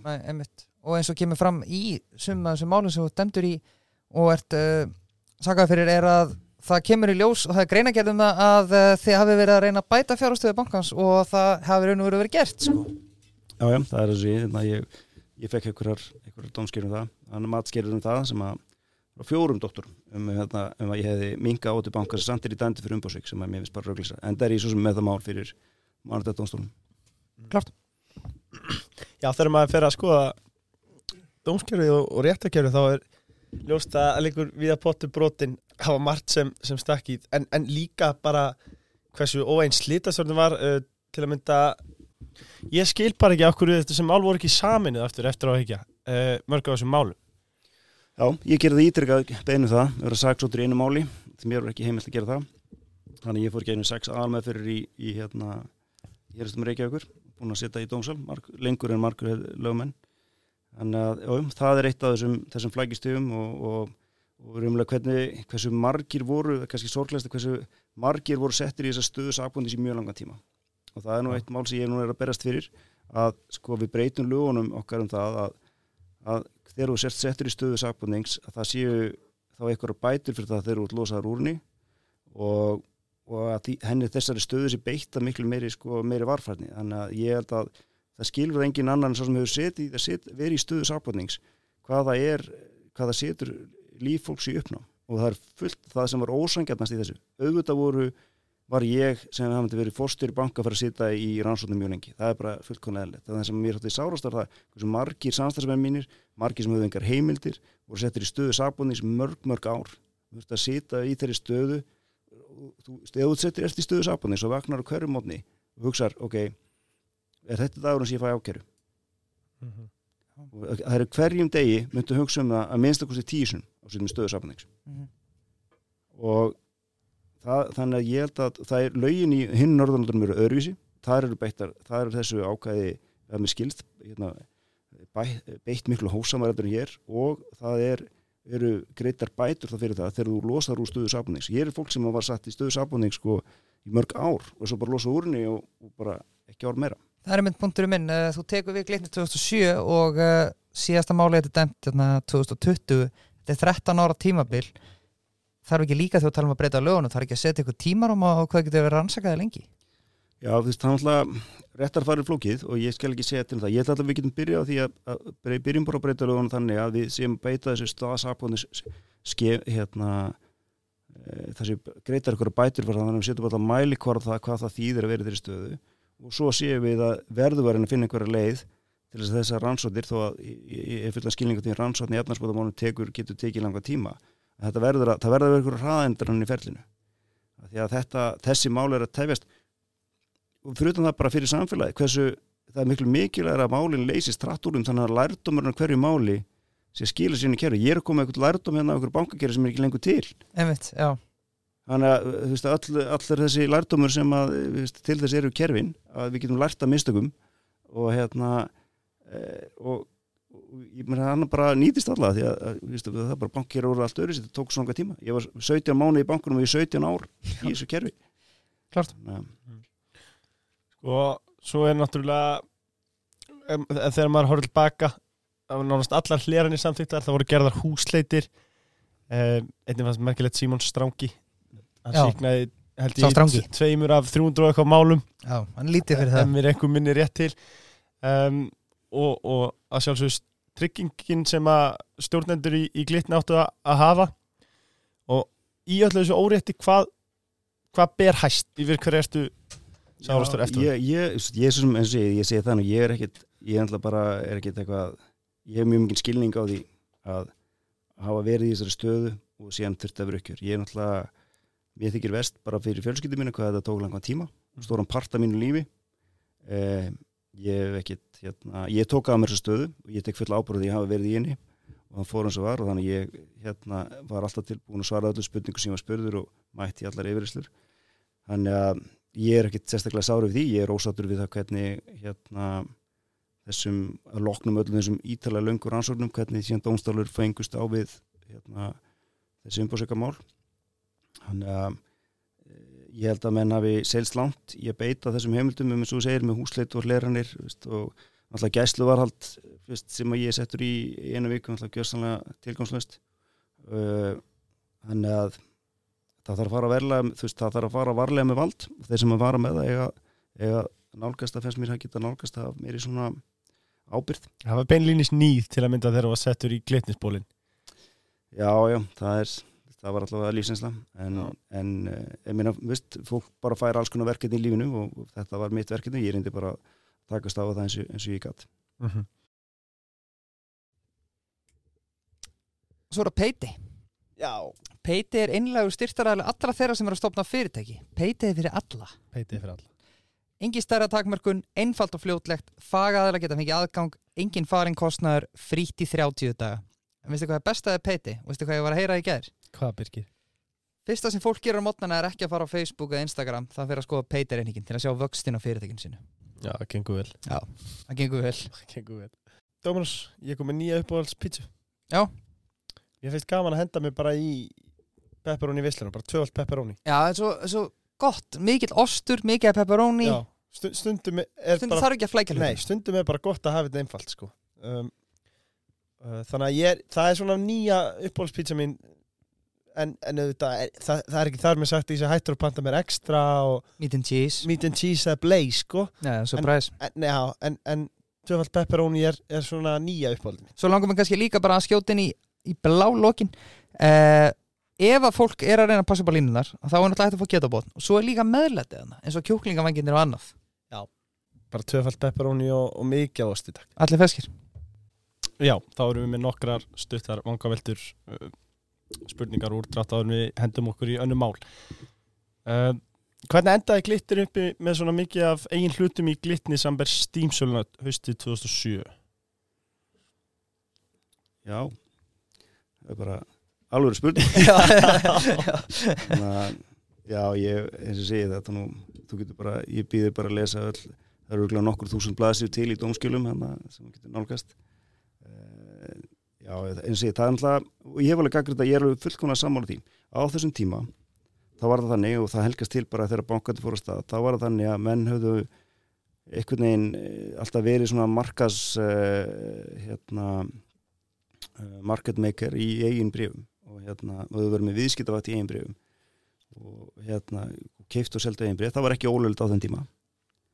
Og hérna, ég segi það var eins og í mér sér í gletismálinn, þá voru, fundum við tilkynningum þess efnis það sem hefði verið tilkynnt að, að menn voru að kaupa og selja eigin bref og þetta bara vikingst og ég er fullkonar sammálið í þannig að það er ekki góð regla. En hún varði veginn til og hafði bara alltaf gerst hannig og því að hlutabrið bankana eitthvað alltaf verði þá bara einhvern veginn var þetta látið ganga og miðlöðunar sögðu já við viljum frekar kaupa og selja okkar eigin bref því að við viljum ekki borga þórnum til sanginsaðal okkar og svo framvegis, því ekki þetta nú miðlarnir. En uh, jú, þannig að þegar þe- þeir kemur á þessari stöðu þá er þá bara hafiði, ég, ég vissi ekki svo sem ekki nákvæmlega hvernig það hefði gerst. Banki var alltaf bara einhvern veginn að eignast eigin bref greinilega of mikið að kaupa eigin bref eða, eða viðskipta vöktun einhvern veginn. Svo hafði, ég held að við, í þessu tilviki að þá var það þannig að, að það hafði verið sapnað fyrir einhvern kaupata sem að hafði verið mjög brattur og hafði síðan hrokki úr skaftinu. Já. og þannig voru bara auðvitað þessar reglum alltaf aðra í dag. Bankanum er fullkólu óheimild að kaupa selja eigin bref og sem er bara rétt, bara flott og, og það er akkurat lærdómur sem það að eiga af þessu- svona aðbyrðum og menn læra þetta bara núna ok, heru, þeir, það er bara mun ekki gerast að, að banki minn gera þetta menn eru, þetta er að sjáðu tilgengi þar markaði núna að menn koma til það er, hérna, endurkaupa áallun en það sem var kannski ó, ósangjant við þessi markas misnókunar dóma fannst mér er að sko ég hafði aldrei kefta selt neitt eigin bref, kom ekki nálægt í sjálfur ég hef aldrei, ég veit ekki eins og þó ég sé lögdur verðbröðmillar, ég hef aldrei ég, hef aldrei bara eins og verið á sko, séð hvernig ég veit ekki og hvernig kerfi lítur út sem hún gerir þetta sko. Að, en ég fekk samt dóm fyrir það og hérna e, e, þannig að og, jú, og sem mér fannst svona, það var að vísa engin refsing það hlutaðist til þannig. Þannig að mér fannst það svona jú, sem að búið dæmitt sem en dómur sem ég síðan áfriði ekki. En þetta var bara fýll lærtumur af þessu að ok, það, þetta var ekki góð praxis og honum var breytt, lögum var breytt, hann muni ekki eiga sér stað aftur. Þannig að það er svona góðir lærtumann en það að síðan að fara eftir á og segja eitthvað sem búið að sko, market practice hvernig hlutin hefur verið gerðir allan tíman sem ég hafði unni í bankjörnum alveg bara frá því ég byrjaði. Að þá síðan segja það allt í unni eftir á mörgum ára setna já, neina, þetta var allt veist, ég var sko, þegar ég, ég, ég tek fyrir bókinu, þegar ég kem inn hann þá les ég skýslu frá FME sem var nýbúin að gera sko vettáns rannsókn í glitni, sumari 2007 og ég les þessa skýslu og einu áttasendur eru það er að það sé ekki nú góður vekkur eitthvað millir greiningatildar og verbröðmunnar sem að það var ekki minnst einu orð á það að bankin mætti ekki vera svo mikið að kaupa svo legin bref það verið frekar hjálplegt ef Já. ég fengið þá ámenningu Já. Þannig að að það er heldur múndi Já. Það. Uh, Var það eftir á ekki að vittlust að leifa Jóni Áskeri að vera stór hluta við og dæla fjármagni hann á sama tíma? Erlendi blaðamenn og fjármálamarkaður eða ágjur þessum cross-egna tengslum Já, sko, ég eins og ég hef þetta voru, þetta voru þessi sko, skuldsettu eignarsfélög ekki heppilegir eigendur af, bönkunum, það er alveg klart mál. Og, og eins og allt bankakýr var alltaf kannski svolítið alls þar í heiminum, með tildur að líta yfir það er alltaf bara búið tvöfald að það eiginlega alls þar um, en sko ég held að menn gleyma stundur svolítið að sko hér eruðu til eins og gerast litin svolítið viðskipta samstipur og ég, þær voru viðskipta samstipur áður en þar eruðu eiginlega hlutafari í bönkunum. Og þetta verður svona svolítið þessi hérna eh, hvort gerist fyrst. Ég, ég er til dæmis þeirri sko, ég held að aldrei, þeirri spurningu verður aldrei svarað eða kannad sko, þeir hefðu, hvort þeir hefur hlutaður í bönkunum ekki, þá er samt verið stærstu viðskiptvinni bankana hver er aðrir áttu að vera stærstu viðskiptvinninir Já, þetta er góð punktur. Hver átti hver, hver, hverjum áttu menn að lána? Þannig að þeir eru stærstu viðskiptarsamstöðurum í landinu. Já, og menn sé alltaf, já, sko, þeir voru svo mjög, mikið að lánum að þeir voru stór hlutaðar það er eiginlega þeir ég held þeir að við, þeir urðu margir ég hérna held ég bara stór hlutaðar að því að þeim fannst sko eins og þeir e, þeir þyrftu einhvern veginn að taka þátt í því líka Mhm. í þessu hagkerfi og hann að það þarf einhver góður hérna viðskiptafræði nemi að gera hérna mastersíkir um þetta veginn snúið svo við Já, algjörlega Ég get gefið eitthvað símanúmer hér Lársi Mhm. uh, Hversu mikið tóku sér tíma á þig persónulega? Talar um það í bókinu að þú er til að mynda lést um 10 kíló kom með magasár og hjartáttatröflanir ég fóð ekki vel með með þessum glitnistíma en hann var svo sem til dæla stuttur. En, að, hérna, en það tók mig jú, jú, það tók mig svona góða eh, s- svolítinn tíma að bara ná vopnum mínum út úr því eftir hérna e, og bara tengja aftur við fjölskyldu mína og svona koma út úr þessu. Ég, það var náttúrulega gríðarlega mikil vinna og hérna e, og auðvitað náttúrulega gríðarlegt áfall fyrir mig persónulega og vombriði og þú náttúrulega e, hérna þér náttúrulega þú veist, þér, þú ert, já, já, þú ert bara mjög maður fer eðlilega mjög langt niður og finnst manni svo sem einskis nýtur og hafa ekki verið til gags og, og hérna e, svolítið að vera náttúrulega ekki velkomin í sín eigin landi heldur. Það er svona svolítið sérstök tilfinning. Þannig að já, það tók mig bara það tók mig svolítið tíma að bara einhvern veginn svona, bara ná jafna mig á þessu og, og það tekur mig nokkur ár einhvern veginn að að bara ná vopnum mínum, ég þurfti að leita með bara ráðgjafur eins og ég segi, ég, ég þurfti að vera í sálfræðingum og gerlækningum og þetta fór strax að sinna heilsu minni mjög vel, reyna að fara í gegnum þetta ála og svo bara einhvern veginn byrja öll þessi málaferdi þannig á 2010 og þá þá hérna þá hóst bara þessi slagur sem að það var umlega sátími sem var miklu lengri og erfiðari sko. Eftir hann sjálfu tíminni í glitni. Eru legur, ég er að pæla að segja, skiluðu bókina? Já, Hvað er hana í bili en uh, bara loka bara ég lokkar að bæta einu við. Já, af Því að að Lár, nú er Lárus í tölvert betra form en við bóðir Það sést langa leiði Já, hann er góða formi, mjög Eh, góða formi. Hversu miklu máli áttaður á því að reyfing eða Hversu miklu máli skiptir í reyfing Hvað var það andlega hilsu? Já, hún, hún bara bjargaði mér sko frá þessu. Þannig að hérna, ég, þannig að það var nú kannski það góða við þetta, menn voru nú eitthvað að byrja að láta mann hlaupa þannig í þessu, maður hafði enga hérna, var ekki neinu formi til. Uh, ég er nú svo sem bjóði að ég hafa verið í ágættisformi á ungur árum þegar ég var í bardægtöðum en, en, en jú, það bara bjargaði mér bæði bara líka bara reyfing, bara var mjög stórt mál fyrir mig. Og hérna ég byrja á, ég fljótt til þetta byrjaði eins og ég segi, þá bara byrjaði ég að reyðum alltaf bara alltaf á mótnana til þess að verkefnin voru ekki að fara að vera skemmtilega á deginum. að það var svona aðeins léttar að fara í gegnu svo stundum þurftum að reyða sér bara eitthvað tísar á dag, þegar voru leiðilegri verkefni. Þannig að það ég, ég er álega gott sem að gera það. Hugleisla og reyfing, mjög gott. Algjörlega. Herru, fyrsta spurningi önnum mál. Við erum svona, komið svona fundagerð uh, spurningur um eitt uh, okkur langar að vita hvað þið finnst um stöðun á Íslandsbanka í dag. Uh, söluferðli missefnaðist að einhverju leiti einhverjum setna útbóðið uh, voru það alveg mistök að velja Íslandsbanka sem sölurákjafa, varst þið mistök að fara í loka útbóð með tilbóðsfyrirkomulegi Já, með það alltaf, þetta Íslandsbankamáli er mjög, mjög sérstætt mörgur liti. Það er, sko, mörg, þetta er bara velhæfnu sala. Það eru vel engin, engin sem verður fyrir tjóni, engin sem að þannig græðir, ég menna þeir sem að var aftur átt að kaupa þessi brefa þessu verði þegar um, um, bara leiðenda mál af vissu leiti, svona bara eitthvað svona handum og mjög, um því þekkjandi Íslandsbanka, mjög átt of karakter eitthvað neginn fyrir það og og, og ég er, já ég er að samanlega, ég held að aðal mistökin hafi bara verið að sko að vera sjálfur í, í þessu hlutverki. En ég veit alveg hverju þau mistökur það því Íslandbanki var sjálfur sjálfur í úbóðinu sem gekk vel. Og hérna og þá bara já, gera mér þessi mistök. Ég, ég held að mér finnst að eh, mér finnst persónulega finnst mér að Sjálfbankin hafa reitt mjög hátil högs í þessu máli.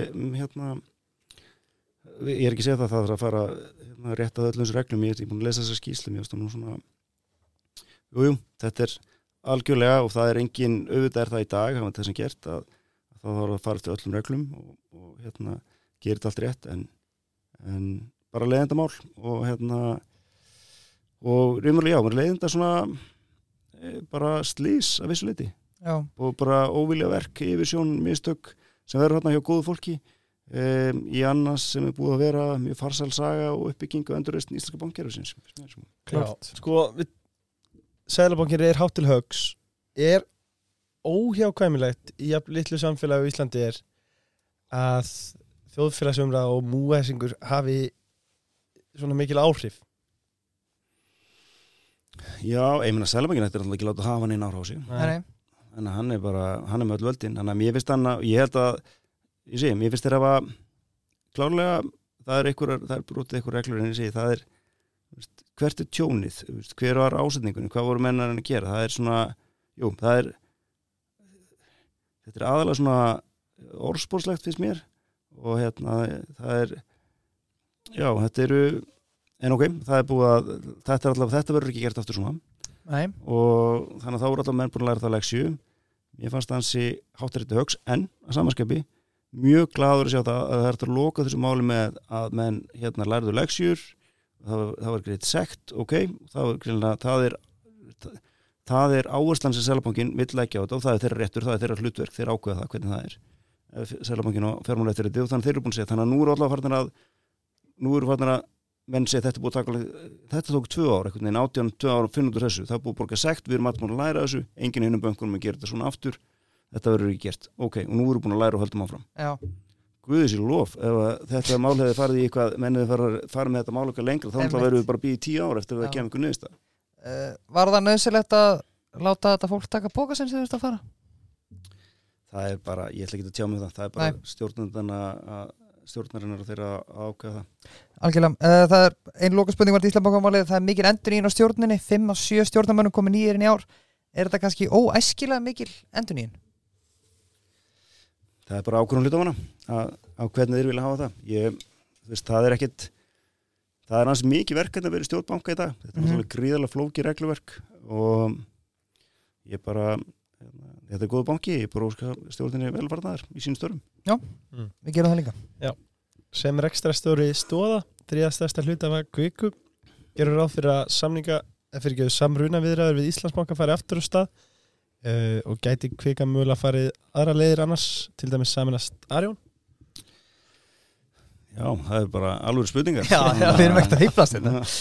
Já, já, ég meina við allavega eins og við sögum að, sko við stóðum, við vorum ég er náttúrulega er svolítið svona svolítið í sögunni, þannig að ég fannst þetta svolítið romantískur samrunni Kvíku Íslandsbanka, myndi mig á samruna FBA Íslandsbanka Mhm. sem að hérna leisti mikla kraft úr leiðingi og teimdi saman svona svolítið ungan kraft og reynslu á þeim tíma. Bjóð til stærsta og sterkasta banka á þeim tíma á Íslandi. Þannig að mér varst þetta svolítið romantist að, að það tækist að ná kviku og Íslandsbanka saman. Um, við teljum að með þessu ég veit ekki hvort að við fylgjast nú mikið með Jamie Dimon hérna hennum hennum hérna, fína bankastjóra langlífa bankastjóra JP Morgan. Um, að sko regluverkið er orðið svo mikið og, og það menn er nú ekkit að draga úr hér á Íslandi að það er bara allt regluverk sett inn af, af fullum þunga. Og þá þarftu náttúrulega stóra reyningar til þess að geta staðið undir því og vera með sko hagkaman banka til þess að geta veitt hagkaman þjónustu að því að menn gleyma því ofta á endanum þá er það náttúrulega bara þeir sem þurfa að nota fjármálafurðar sem eru fólki í landinu og öll fyrirtækin sem að borga fyrir þetta allt saman. Það, það kostar að vera með 100% öryggi uh, vera með sko töfald með reygin fyrir en flesti bankar Norrlundum og 100% öryggi mm -hmm. Þannig að, að, og bankarnir eru litlir og eru náttúrulega búin að vera hversnötu því mikið að, að í þeirra útgáfum úti þá verður þeir hérna, ekki nógu stór útgáfur til þess að geta fengið góð kjör svo framvegis. Þannig að við vorum við töldum að veri, það væri miklir eh, já það væri tölu mikil samlið í því að þessi bankar færi saman. Nú, veist, nú er það allavega á byggð við sjáum hvað verður með það. Já, Klárt. Jón Sigursson, fórstjóri stóða og góðu vinnuðin gaggrindi Sælabankan nokkuð harðlega í brefi til hlutafa í byrjun ás sagði bankan hafa verið í, í farabrotti í að tala upp verðbólguvendingar og niðurgengi krónunar mm, virtist ynga trú hafa á eigin getu til að ná verðbólgu niður segir hann Í framhaldi spyr Jón hvernig væri ef Sælabankin gæfi sér tíma til að leifa áhrifum vakstahekkan að koma fram. Ertu sammálað þessari gaggrinni Jóns á Sælabankan? ég held að ég geti bara svarið að ég það er, það er mjög fátt sem að ég og Jón Sigursson erum ósamála um.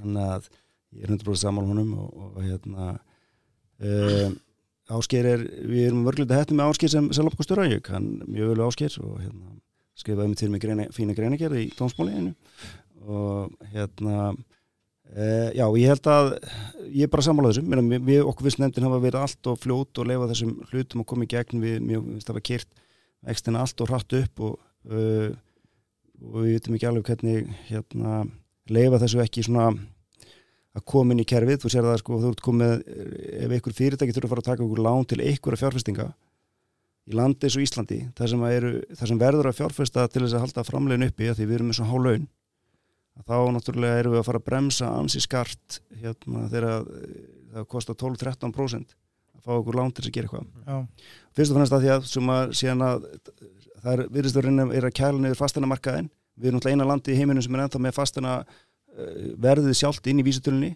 þannig að það var nú kannski að skoða bara líka að taka það út. Fyrir utan það að, að, að þetta er jújú, það má hugsalega segja að sko lágur vextir í tímbuti hafi búið til hérna mikla eftirsputn eftir eða gert fleirum kost á að kaupa húsnaða í Íslandi. En við verðum að horfst í að það er gríðileg fólksfjölkun á Íslandi. Þannig að þetta er bara þetta er eftirsputnar og vandamál, það er ekki frambúð á fastegnum og nú ertu náttúrulega með þessum uh, ég veit ekki hvað maður, maður fannst þetta svona langtíma hugsunin í sem væri ekki alveg nóg góð að kera þetta svona hratt upp en vonandi bara vera vextið bara lækkaði hratt aftur fyrst það er að hækka það svona. Já, please. uh, einmitt, nú ertu stjórnaformaður byggingafyrirtækisins Þingvangs það er eins og segir uh, þessi skarpa hækkun. Óttastu mikinn samdrátt í íbúðubyggingunni sem að myndi þá því að ansið slæma afleðingar í ljósi þessara miklu fjóls, fólksfjölkunar og skort sem er? Já, ég held að minna, ég er bara, já, við höfum bara ágjörð því, menn það er, veist, það var þessi lóðaskortur sem var til í Reykjavík og, og síðan ertu náttúrulega bara komin í það að, að, að ef fjármanni fara að kosta svona mikið, þá það er mjög erfitt að taka það ákvörðun að byrja að byggja, uh, vitandi það að, að fjármannskostnarinn er komin yfir 10% Mm og það mun á endur náttúrulega bara skila sér í fyrsta lagi þá, þá, þá bara eru færri sem að gefst kostur á að gera það því það náttúrulega eru auðvitað meiri einfjör kröfu fór bönkunum það er einhvern veginn þarf að fjárstreymið að ganga upp. Og, og, og svo mun náttúrulega endur bara þessir vextir þurfa að koma í gegn í hérna, fastina verðinu þannig að ég, það er náttúrulega ekki gott að vera með ykkur sér úr það en ég, það hefur verið gott einhvern veginn að e, ég er, ekki, ég er ekki nú vel að mér í hafraði eða, eða klár til að vita hver lausnin á þér en ég hef ekki ímyndið mér að allt þetta klár fólki hefði getið fundið einhverja aðra laust kannski til þess að allavega reyna að halda fjármörnum gangandi á þannig að pípan mun ekki stoppa, ég held hún hafi stoppað töluvert það eru fullt af verktökum sem munum bara ekki ráða við þetta og bankandi mun auðvitað segja planið bara gengur ekki upp, nú eru vextinir og þetta háir. Og ég við getum ekki bara haldið að lána þér. Nei, og svo líka náttúrulega eins og segir, þú tekur kannski lána morgun og 12-13% vöxtum og svo þetta er hálft að koma við 15-16% sko. Ekki, þannig að þetta er, já, þetta er er, einhvern veginn erfitt fyrir alla. Já, ég meina, það, það góð er, það er mikill hagstur í Íslandi og fólkinu, það er að fjölga fólkinu landinu sem er að mörguleiti jákvætt og það er að koma inn út af ferramanninu og svo framvegis. En þá verðum við að finna einhverja meira við verðum að finna einhverja aðeins uh, betur úthugsaða leið til að fjár, halda frambóði af uh, íbúrúsnaði í gangandi við erum með, það er mjög áhugavert þegar maður, sérstaklega þegar maður ég ferðast nú mikið og, og þegar þú, þú tekur eftir því þú ert að horfa á Reykjavík og menn tala um lóðaskortin og allt þetta svo flýgur yfir hérna, þegar, þegar þú flýgur stað að ferði yfir stór Reykjavíksæði og horfur á allt þetta land sko, Já. og berða saman síðan þegar maður kemur undir lundun og lendir þar þess að þú sér ekki sko neitt land, neinstaðar pláss til þess að byggja neitt hús og maður horfur bara, veist, come on. En það er náttúrulega blíkur á lofti með blíkastaðlandið að hérna, þar sé ég geti verið þar verði svolítið hérna, góð uppbygging og ég, sé, ég er úr breiðoltinu og hérna bara ólst upp þar. Og bara frábært hverfi og bara fullt af krökkum og fullt af óturum íbúðum og, og hérna en ég held að við erum svona við þurfum eitthvað betri langtíma hugsun í þessu. Ég er, er svo mikið að segast þeirra með lausnina en ég en maður hefði ég held að við höfum ekki, við höfum átt svona tipla meira á brensunar heldur en hann nöðheimlega og takja hambrusuna þannig eins og þessi vextir gerðu. Kemi. Sko, Kemi gerðu. Hvað gerur Kimi núna? Kæru ökumenn Við erum skýr í kollinum og skilum fólkinu okkar heilu á áfangastað Bílinn þarf að vera í toppstandi að vera lagt þér á staði leiðangur. Allir í skoðun hjá frumherja. Þetta var áriðandi tilkynning. Já, áriðan tilkynning. Þeir sem eru með endast af 8 og Já, og 9 Þeir þurfa að fara að huga að þessu Frumherji Dríðu ykkur í skoðun. Þeir virtu að sjálfsögðu. Upp á hverju tóku Kimi núna?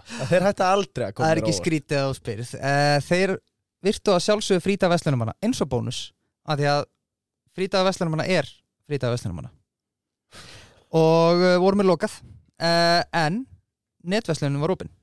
Og kannski svona svo við tekin, tek nokkrar vörur bara. Uh, sótrensitöflur á 14, 16 og 19 uh, það sem ég að kannski áhugaðast er að einangrunarteipið koma 199 krónur og flugnabannin er á 17.6 krónur. Og já, ég fekk marga spurningar. Ánistafli, öryggishjálmurinn er ennþá á 40% afsluti en það fer hver að vera síðastur, það hlýtur nú bara heila að vera. Já, ég er búin að tryggja mér eindag Stóðir hafa fjárfæst mikið í ferðarþjónustu að endanförnu Play, Bláa Lónið og Arctic Adventures þar sem stjórnaformaður Hvernig sjáu þið íslenska ferðarþjónustu dróast? Já, þetta er náttúrulega borðin eina af okkar aðal atvinnugreinum og, og hérna, við erum bara mjög jákvæðir á ferðamanna eina en við sjáum það að við erum náttúrulega búin að vera hluta núna í hvað tvö ári hérna, blá lónu og, og við höfum bara já, við höfum bara mikla trú á Íslandi sem ferðamannaland. Það er eh, hérna, bara mikil eftirspill landið er stórt. Fólk vill upplifa náttúruna. Og, og við heldum líka við séum svona Við horfum svolítið á ferðamannina en eins og kannski sjávaruturinn var á Íslandi svona hérna þegar hann var að mótast sem svona atvinnugrein við teljum að nú muni vera til svona stærri og sterkari fyrirtæki. Það var fullt af svona litlum fyrirtækjum sprottu upp til þess að þjónusta ferðamannin og, og nú sé tæki verið til þess að svona búa til stærri einingar sem að hérna e, það, þarf að, það þarf alltaf að tegja sér betur og betur, það þarf að þjónusta þessi viðskiptafinni betur og betur þegar vilja fá betri upplöfunir hvernig þeim er hvernig þeir eru feinir að koma til landsins með hérna, aðgörnum gegnum heimasíðunar og svo framvegis er mjög hérna, mikilvægt þannig að, þannig að já, við sjáum það fyrir okkur og við vorum bara við erum bara mjög gladir að koma inn í hérna, Arctic Adventure sem er eitt, svona, eitt af þessum leiðandi fyrirtækjum, þetta stærsti fyrirtækjum í að gefa ferðamennum kost á að upplifa Ísland og bara mjög spennandi, ég hef náttúrulega mjög skutið fyrir mig ég hef náttúrulega ekki búið á Íslandi nema kannski svona helmingina mína Já. æfi, þannig að ég þarf svolítið mikið náttúrulega Google Maps til þess að vita hvert allt það mann er Er þú ekki bara með þessa ferðir? eða? Já, já, menn það er alltaf gott líka að hafa ákveðna fjarlægð. Já, já. Já, sko við sjáum fjárfestingar í innviðum í, í Keflæk og viðum land. Um, verður heldur að stefnan sé meira í átt að luxusferðarþjónustu uh, erum við að innblýna á að fá meira frá hverjum ferðamanni frekar en að Já, gæðið um fram magn. Gæðin frá magn, já. Já, ég, ég veit ekki svarið sem er tala svolítið svona en það er alveg ljóst að Ísland er ekki ódýrt land. Þannig að það, það er dýrt, við erum með náttúrulega við hæstu laun í heimi. Þannig að eh, en á móti kemur eru með stórbrotna náttúru sem við erum að, að, að veita fólki bara aðgang að.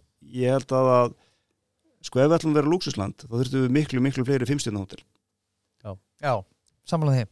Ég meina það er það er hérna við erum raunverulega þannig að við erum, sko infrastruktúrin okkar allir í dag er bara, við erum bara þetta er bara svona meðlungs ferðar land fyrir eitthvað sem vill upplefa er tilbúin að eitthvað öðruvísi e, frí. Þannig að ég held að það sé ekki okkar ákveða, ég held að sé bara við erum bara ánað að fá alla ferðarmenn e, það er alveg ljóst bara því hvernig, hvernig hérna, kostnæðstúturinn er hérna í Íslandi það er, það er við verðum aldrei svona lág eh, fyrir svona eh, ferðamann sem vil fara í eitthvað mjög, mjög ódýrt ferðalag þá er það svolítið flókið að fara til Íslandi en hann getur svo sem alveg gert það, hann kemur bara með hjólið sitt og, og tjaldið þannig að hérna, það er hans val.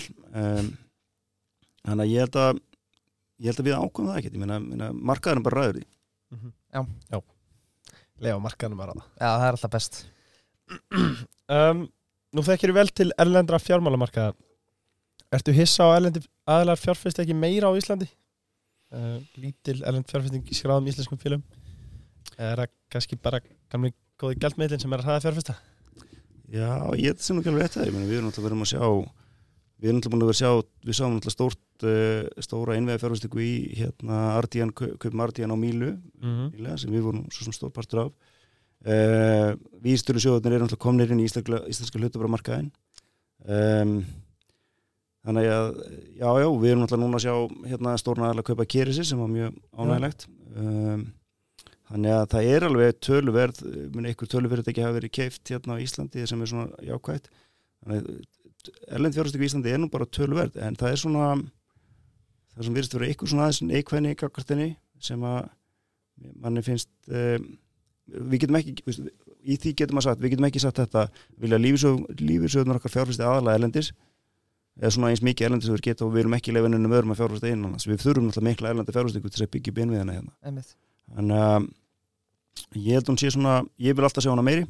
Ég held að, að það mun bara veist, það er áttu dreifing í því fyrir okkur og það myndi hérna hjálpa okkur að stað. Og ekki, það má heldur ekki glema því að alltaf stór hluta sjáurðurum er líka fjármagnar erlendis frá. Mm -hmm. þannig að hérna, það sem maður kannski helst vil sjá,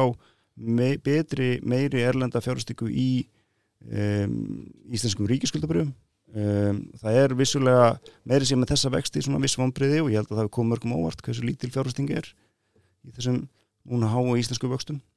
Og það voru náttúrulega bara komin í þetta krónumál. Mm -hmm. Hvað stendur þar? bara pass. Pass, takk. Kannu góða passi. Já. Uh, Rittara spurningarnar, í blandu almenna spurningar. Uh, Er það svolítið búið kemi? Skot gengur hjá okkur. Já, já, það er alltaf að gerast. Uh, Hvernig var að vera í fangelsi? Við byrjum alltaf frá Ríða á vaðið bara. Já, það er gamanleikus kemur þessar spurningar alltaf með svona bros á vör. Þetta er svona Já, mjög hérna, já, já, það var um, það var ekki þægileg upplifun eins og fyrir eitthvað sem lendir í því en ég hef auðvitað nöyt þess að, að við þetta svona nokkurninni út í hvað ég var, ég var að fara því ég hef þessum heyrta frá Sigur Átnarsinni hvernig hann, þetta hefur verið fyrir hann og, og hérna og vissi að því hvernig reyðaröði farið gegnum þetta þannig að ég var svo sem ég þurfti bara að leysa verkefni eins og þeir. Um, en það er ekkit það er ekki tægilegt en ég svo sem missi það var, þetta var tímbundi gæsla var alltaf það var bara verkefni að fara í gegnum. Já. Hvernig lætur maður tíman líða þegar maður er í svona stöðu? Ég, ég var bara með, já, já, ég var bara með svona ágætis rútínu, ég var náttúrulega í námi á þessum tíma námi, þannig ég fekk bara bækuna mínar og, og bara að lesa og eitthvað og þetta er nú ekkit eh, það er mjög þægilegt fólki, ég getum sagt það mjög, ég, þeir fanga verið sem ég hitt á litla rauninu þeir eru mjög þægilegir menn og, og gott að eiga við. En þetta er ekki, þetta er ekki geðslegar aðstæður að vera í, ég get ekkit lofa okkur því. Ég trúi því. Um, Davíð Ótsson, hvað er hann jólakort? Ég átti, ég ber mjög miklu verðing fyrir Davidsinni, menn hann á mjög stóran part af því hagvisti sem var til á Íslandi, því landi sem við búum í. Um, ég held að, þú veist, við erum alltaf allir að reyna að gera okkur besta, ég held að hann hafi verið að reyna að gera sitt besta í, í, í því sem hann var að gera í selbankunum við, við áttum gott samstarf og bara hérna, svo sem heilægt spjall, en hann er alltaf, já hann er stór og mikill maður. Já, neða uh, Hversu mikið hjálpaði að vera nær alveg gráhærður? Eða vissi allir hvað var stungur Já, það verður örgulega, ég, ég veit það ekki. Ég, ég þóra að spyrja sjálf með þeirra spurningu hversu stóran þátt í, í mínum frama þetta hvíta hár hefur á þannig að ég hef kannski ekki dóruð úr mér ef ég ekki orðið svona hvítarur en sjáum til, ég veit ekki svarið Við heldum áfram í jólakortunum uh, Eva Jolie, var hún í jólakort? Nei. Nei. Uh, hvað hefur eitt mörgum? Já, Ég, mér langar að skjóta inn í þannig Er ekki óhjákvæmilegt að hugsa til þess að ef að annar ráðgjafi hefði nú farið bara með löndum á þessum tíma hefði það ekki geta breytt atbyrður á til muna Jú, ég hef alltaf verið mjög þakkláttur ef að, ef að það, það hefði verið mikið happ ef að, ef að hérna ef að Ísland hefði ekki fengið Efi Jóli sem ágjafa, held ég. Uh, og ekki ráðið Gunnar Andersen sem fórstur á fjármáræðisins heldur fengið eitthvað fólk sem að er svona aðeins reynslu meira á þessum sviðum og með um, með svona, já með meira já, meiri reynslu bara og, og svona jafnar geð og, og langtíma hugsun mm -hmm. algjörlega uh, Það sem náttúrulega erfið, kannski getur ekki svarað en hefur tekið það saman, hvað hefur eitt mörgum klukkutími í réttarsal slags skýslutökum?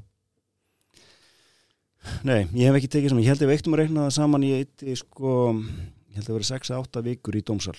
Já, sæl, já. Og hérna, sem eru svolítið langi dagar og ég, já, ég hef örglega verið mánuð í yfirrislum Já, var alltaf salur 1, nei hvað er þetta, 101 eða eitthvað? 13 nei. Nei, það, já, það er salur 101 hér á Reykjavíkur uh, Kemur þið greina að starfa aftur í banka í framtíð?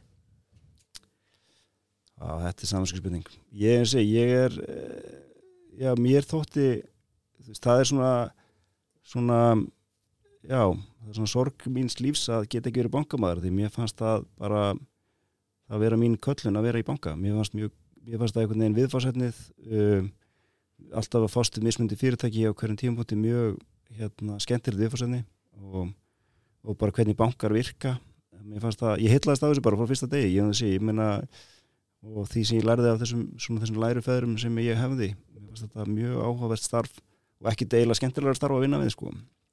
Að en ég held að í ljósi ferils míns að þá er það ólíklegt að gerist nokk tíma náttúr. Já, uh, hvað er þetta best að búa og ertu bara ákvæða hvað er langar að búa í framtíðinni? Ég, ég er náttúrulega bara mjög heppin, ég bý eiginlega í, í Lundunum og Reykjavík og hérna, það er bara, eiginlega finnst mér eins svona henn fullkona blanda. Mér, London getur orðið mjög þreytandi á, á tímum og, og Reykjavík getur orðið svolítið mikið Reykjavík, þannig að hérna, það er bara gott að geta fara á milli. Já, síðasta jólakortspurningin uh, sett okkur saksóknari þar hann jólakort? Óla Þór, já, já, mér er svo sem ekkit hérna, við áttum svo sem ágætt samtölu, ég held að hann hefði hérna lent svolítið í að þurfa að læra hvað þetta starf var sem hann tók að sér. En um, ég held að samanskapi nú sé hann búin að vera lengi í því. Já, alveg uh, Var það rétt ákvörður að hafna Hannesi Smára sinni og Jóni Sigur sinni að taka yfir fyrirtækis í Íslandbanka? um, Ég skil ekki alveg spurninguna. Eða sérst, að því að þú tekur sérst ákvörðunum að sérst, ef að hefði, ef þú hefði tekið bara upphæflega jobbinu sem að Jón böður í Íslandbanka Já, að vera í fyrirtækjar Já, fyrirtæki, já, já. já, já, já. Já, ég veit ekki. Já, ég held að ég, ég veit ekki, það skiptir ekki máli. En það komið þér aftur með betra tilbúið næst. Uh, Aldrei, er þetta ekki bara leksíans aldrei taka fyrsta tilbúið, þá er er þið búið að vera bankastjóri næst. Já uh, þá, Svo er einnig nokkar hlustenda spurningar. Uh, Er lagseldi örug fjárfesting og af hverju er vestri næsta stórveldi í íslenski knatsbyndu spyr Pétur Magg. Já, sko já, við náttúrulega í stóðum við erum búin að fjárfesta þarna í það sem heitir First Water núna. Við höfum gríðarlega miklu því. Og hérna erum þetta er svona ekki alveg típisk stóða fjárfestinga því við erum mest í að fjárfestinga þar sem við skiljum annarkost eignindar eða fjárflæði en við höfum greint þetta vel og, og hérna höfum miklu trú á þetta sé þetta og landeldi á Íslandi sé bara það sé kjöra aðstæði til þess að stunda það hér. Þetta getur orðið já, bara einn mjög stór auka útlendisgrein þannig að við hvetjum allir að skoða frábæra ástæðni á Arjónbanka Mhm. nýlega þar sem að maður einmitt bara fíl eldist í þessari, þessari trú. Og svo erum við náttúrulega með hérna, fengu góðan hérna, fyrirhundi bankamann, Jú, jú. til þess að vera fórstjóraðar uh, Hvort Birkir Örn meina þannig að hvort þetta vinna með ljósabekkin eins og Birkir eða brunkukreið með eins og leifur? Hvorut, eh, uh, Hvort þetta pakka en okkur ég veit ekki ekkur ég, ég, ég veit ekki ekkur ég veist þessa vestra spurningu ég veit náttúrulega ekkit um knastmyndu sko. Hún kemur alltaf Hún kemur allt, kemur hann, alltaf. þetta er ísfyrringur sko. já, já. Já. uh, Hvað er líka viðskiptatækifærin í dag að þínu faglega mati, spyr Ólafur Már bara kaupa lutubröðu stóðum Já, takk Já. uh, Síðasta, uh, hvernig er hefðbundin dagur hjá Lárusi Velding? já, nú er spurning í hvori, í, hvori, í hvori borginni Uh, bara Íslandi Já, já, ég er nú svona ég, eins og ég, ég er frekar áriðsull og hérna ég er oftast vaknað að frekar snemma og ég er svona minn svona já, tími ég nota hann til þess að reyða mig þarna millir svona 6 og 7 mm. og svo hérna já, svo svona ger ég eitthvað já, og ef ég er á Íslandi já, þá er ég, er ég, er ég með en yngsta dótti mín en nú áttar og þá fæ ég svona koma henni í skólan á mótnana og svo um, er það bara og fara á skristofuna og vonandi engir fundi fyrir háti Já. sem maður geti unnið eitthvað viti og svo bara ofta eitthvað svona hátegisverður og, og svo svolítið mikið að fundum. En jú, jú, ég vísu hefst hver einasti dagur því sko þegar ég er búin að, að skutla dóttur minni þá tölum við Jón Sigursson saman í síman Já, það, það gerist daglega. Það er þá bara komið að hraðaspurningum uh, mér, mér langar reyndar aðeins að, að nýta ég verði eiginlega að spyrja, fyrst ég er með því hérna ég held að Bara- sé mér fyrsta sinn að fara að ná þessu á tíma sko. mögulega. Ég var alveg vissin eftir svíkjan sko. en hérna uh, mér, langar, mér langar að spyrja aðeins út í Sir Malcolm Gladwell bara aðeins hvernig karakter þetta er. Malcolm Walker? Malcolm Malcolm Walker fyrir, já. En Malcolm Gladwell er líka fýtna á ekki Hann er fín, en ekki Malcolm Walker. Bara, já, ef getur aðeins Bara hvað, hvað skona áhrif hann hafði á þig og Já. svo fröfis Já, Sir Malcolm uh, það maður þarf ekki að kalla hann Sir Malcolm sko, hann er alveg léttur með það. Já. hann, hérna, um, Já, hann er bara eh, hann búin að vera einstakur vinnu minn og ég veit ekki akkur við alveg verðum vinnir og hérna bara kynntust vel hérna, á þessum tíma sem að við stöttum við hann og hann er getur verið mjög erfiður við marga en verið mjög góða vinnu minn og hann er svona einstakur maður búin að stopna sitt fyrirtæki og reyka í 50 ár með yfir 20.000 manns í vinnu og er merkilega svona helstittur og þægilegur þráttur það. Um, hann að já, já, ég sé ég honum, honum og Tarsan Darleval sem er nú fórstur í Æsland og meðandi hans í fyrirtækinu. Þetta eru, þetta eru góði vinn mínur og þeir, þeir voru reyndist mér náttúrulega ómetanlega á tíma sem að eh, veist, ég þurfti á því að halda. Og bara já, það hefur verið mín lukka að fá að kynast þeim og vinna með þeim og fylgjast með þessu Æsland æfintir, náttúrulega stór furðulegt að þegar ég kynist Malcolm og þá hann fyrirtæki sem heitir Æsland hafði aldrei komið til Íslands og Já. Og svo er maður einhvern veginn svo er maður með þessa, svo núna erum við komin í þessa, þessa Æsland versus Æsland deilu sem er Mhm. hérna mjög fyndið, þannig að það var mér það þegar ég var fjármálstöru þá geti ég sagt alltaf sko veist, emni Æslandur rétt Æsland. Og, en þetta er, já, ég manna Malcolm er bara hann er frábár náingi, hann er fann að eldast aðeins núna en hérna um, en hann er hefur kent mér greiðlega mikið margt og ef mitt að líka bara láta að prófa hlutina hann er Mhm. svona já, óhrættur við bara að prófa hlutina og svo og leiðir þetta kurs þegar það síðan gátt ekki upp það er það sem að kannski maður hefur lært mest að Malcolm Já. bara just try it, bara alltaf Já. bara áfram Það segir líka ímislegt kannski um álit uh, hans á þér að uh, eftir að bankandi falla og fljótlega eftir það þá ertu mættur í vinnu til hans aftur Já, það var bara, uh, já, við unnum voru svo sem unnum alltaf fljótlega saman og ég var svona honum til ráðgjafa náttúrulega að finna út úr þessu Íslands mm -hmm. íslendinga máli öllu saman og já, svo kom að því þarna að, ég var nú kannski svona ég var í þessum viðskiptum 2012 þegar við kiptum á landsbókanum og svo 2014 þegar það opnaðist viss gluggi sem að aftur kom, þá var nú sem, sem að Jón Sigursson bendi mér á, hann var þá í stjórnur í Fresko og þá kom aftur þá heitum við, þá tölum við, við JP Morgan og endur fjármunum hérna Iceland Foods. Og þá fannst honum, þá var hann alveg harður að fá með sér fjármálastjóra og ég segi það náttúrulega gæti ekki gert það, ég var einhver fyrirhandi bankamaður sem var í fyrsta tónsmannum, gengi enga veginn upp. Mhm. það lýsir honum vel, þá, þá var hann ennþá ákveðnari í Já, að já. fá mann. Klárt. og ég, og ég ansi, og svo verð ég núna ég er, ég er í stjórn, hérna, eini ekki fjölskyldumæðlumurinn sem er í stjórn. Emmitt WDFF sem er, sem er sem sagt, eignarhansfyrirtæki sem á Æsland Foods. Uh, það er komið að hraðaspurningunum. Senast að liðnum, seinasti liður kvöldsins. Þið búið að gegja já, búið að vera virkilega skemmtilegt. Uh, og ef við ríðum bara vaðið um, og ég, ég veit að það er búin að koma nokkar þungar spurningar. Ég get bara varaði við ég, fyrir ég, ég nú veit, ef þú brosir, þá veit ég hún verður erfið. Ef þú verður svona alvarlega, þá veit ég að hún verður ekki erfið. Ég var að taka það. Já, um, sko þetta er gott triksand, þetta, þetta er mjög flott sér. Þetta er í svona samningu verið, það er mjög sniður Já, brosa. Brosa og þögn, það leysir mikið á já, vandamál. veist það er eitthvað slemt að koma. Um, eru stóðir að skoða alvarlega að fjárfesta í Chess After Dark? Nei, þeir út ekki búin að koma með neitt pitch. Nei, nei, það er bæklingur já, það kemur, það kemur. Um, við skoðum allt. Já, Sér ég eftir í eldúsinu Já, ég er nú ekki, ég er ekki mikil kokkur en ég er svona settur á grillið. Já, Þannig að- en það er alltaf svona fyrirfram útbúið á þannig að kjöðkompaníinu ekkur þannig að ég þarf nú ekki að gera mikið. Erfitt að klúra því. Besti dýll á æfinni Já, besti dýll á æfinni um, Góð spurning. Góð spurning, já, ég myndi segja fyrir mig já, bara að kaupa lutu breyðstofum Já, Uppfalli í ennska boltarum Ég fylgist ekkert með fótbolta en ég segi Manchester United af því að nátengdir menn mér eru svo mjög hérna, upptennir af því og, og geðhelsið er að sveiflast mjög mikið með því. En býrði í Lundunum samt sko. Já. Hva, Hvað stadium er byrð? Það er myndið verðurlega Arsenal.